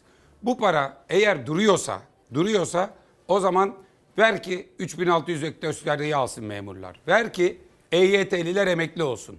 Veya hane başına dağıt 45'er bin lira herkes rahat bir nefes alsın. Kişi başına dağıt 12 bin beşer yüz lira yapıyor ver. Eğer para duruyorsa halka ver. Para durmuyorsa hesap ver. Bu para ortada yoksa hesabını ver. Gel hesap ver. Para duruyorsa eğer bu parayı halka ver. Herkesi rahatlat diyoruz. Kimse moralini bozmasın. Çaresiz değiliz. Bakın hep konuşulur ya kaynak nerede? Muhtaç olduğumuz kaynak yandaş müteahhitlerin cebinde. Bu kriz döneminde herkese kemer sıktırdılar. Türkiye'nin en zengin 10 iş adamı açıklandı. Nerede yandaş müteahhit var? Nerede o beşli çete dediklerimiz var? Her ihaleyi alanlar var. Onların hepsi yüzde 40 servetlerini bir yurda attırmışlar. Millet yüzde 40 fakirleşirken yüzde 40 zenginleşenlerin vergi borcu siliniyorsa, esnaf vergi borcunu ödeyemedi diye haciz gelirken, Bağkur'u ödeyemedi diye sağlıktan yararlanamazken, emekliler sürünürken gelip de halen daha bu beşli çeteye vergi muafiyeti getiriliyorsa, ödemeleri gereken vergi affediliyorsa, hala ödeme tıkır tıkır yapılıyorsa ihtiyaç duyduğumuz kaynak bunların cebindedir. Bunları alacağız, halka vereceğiz.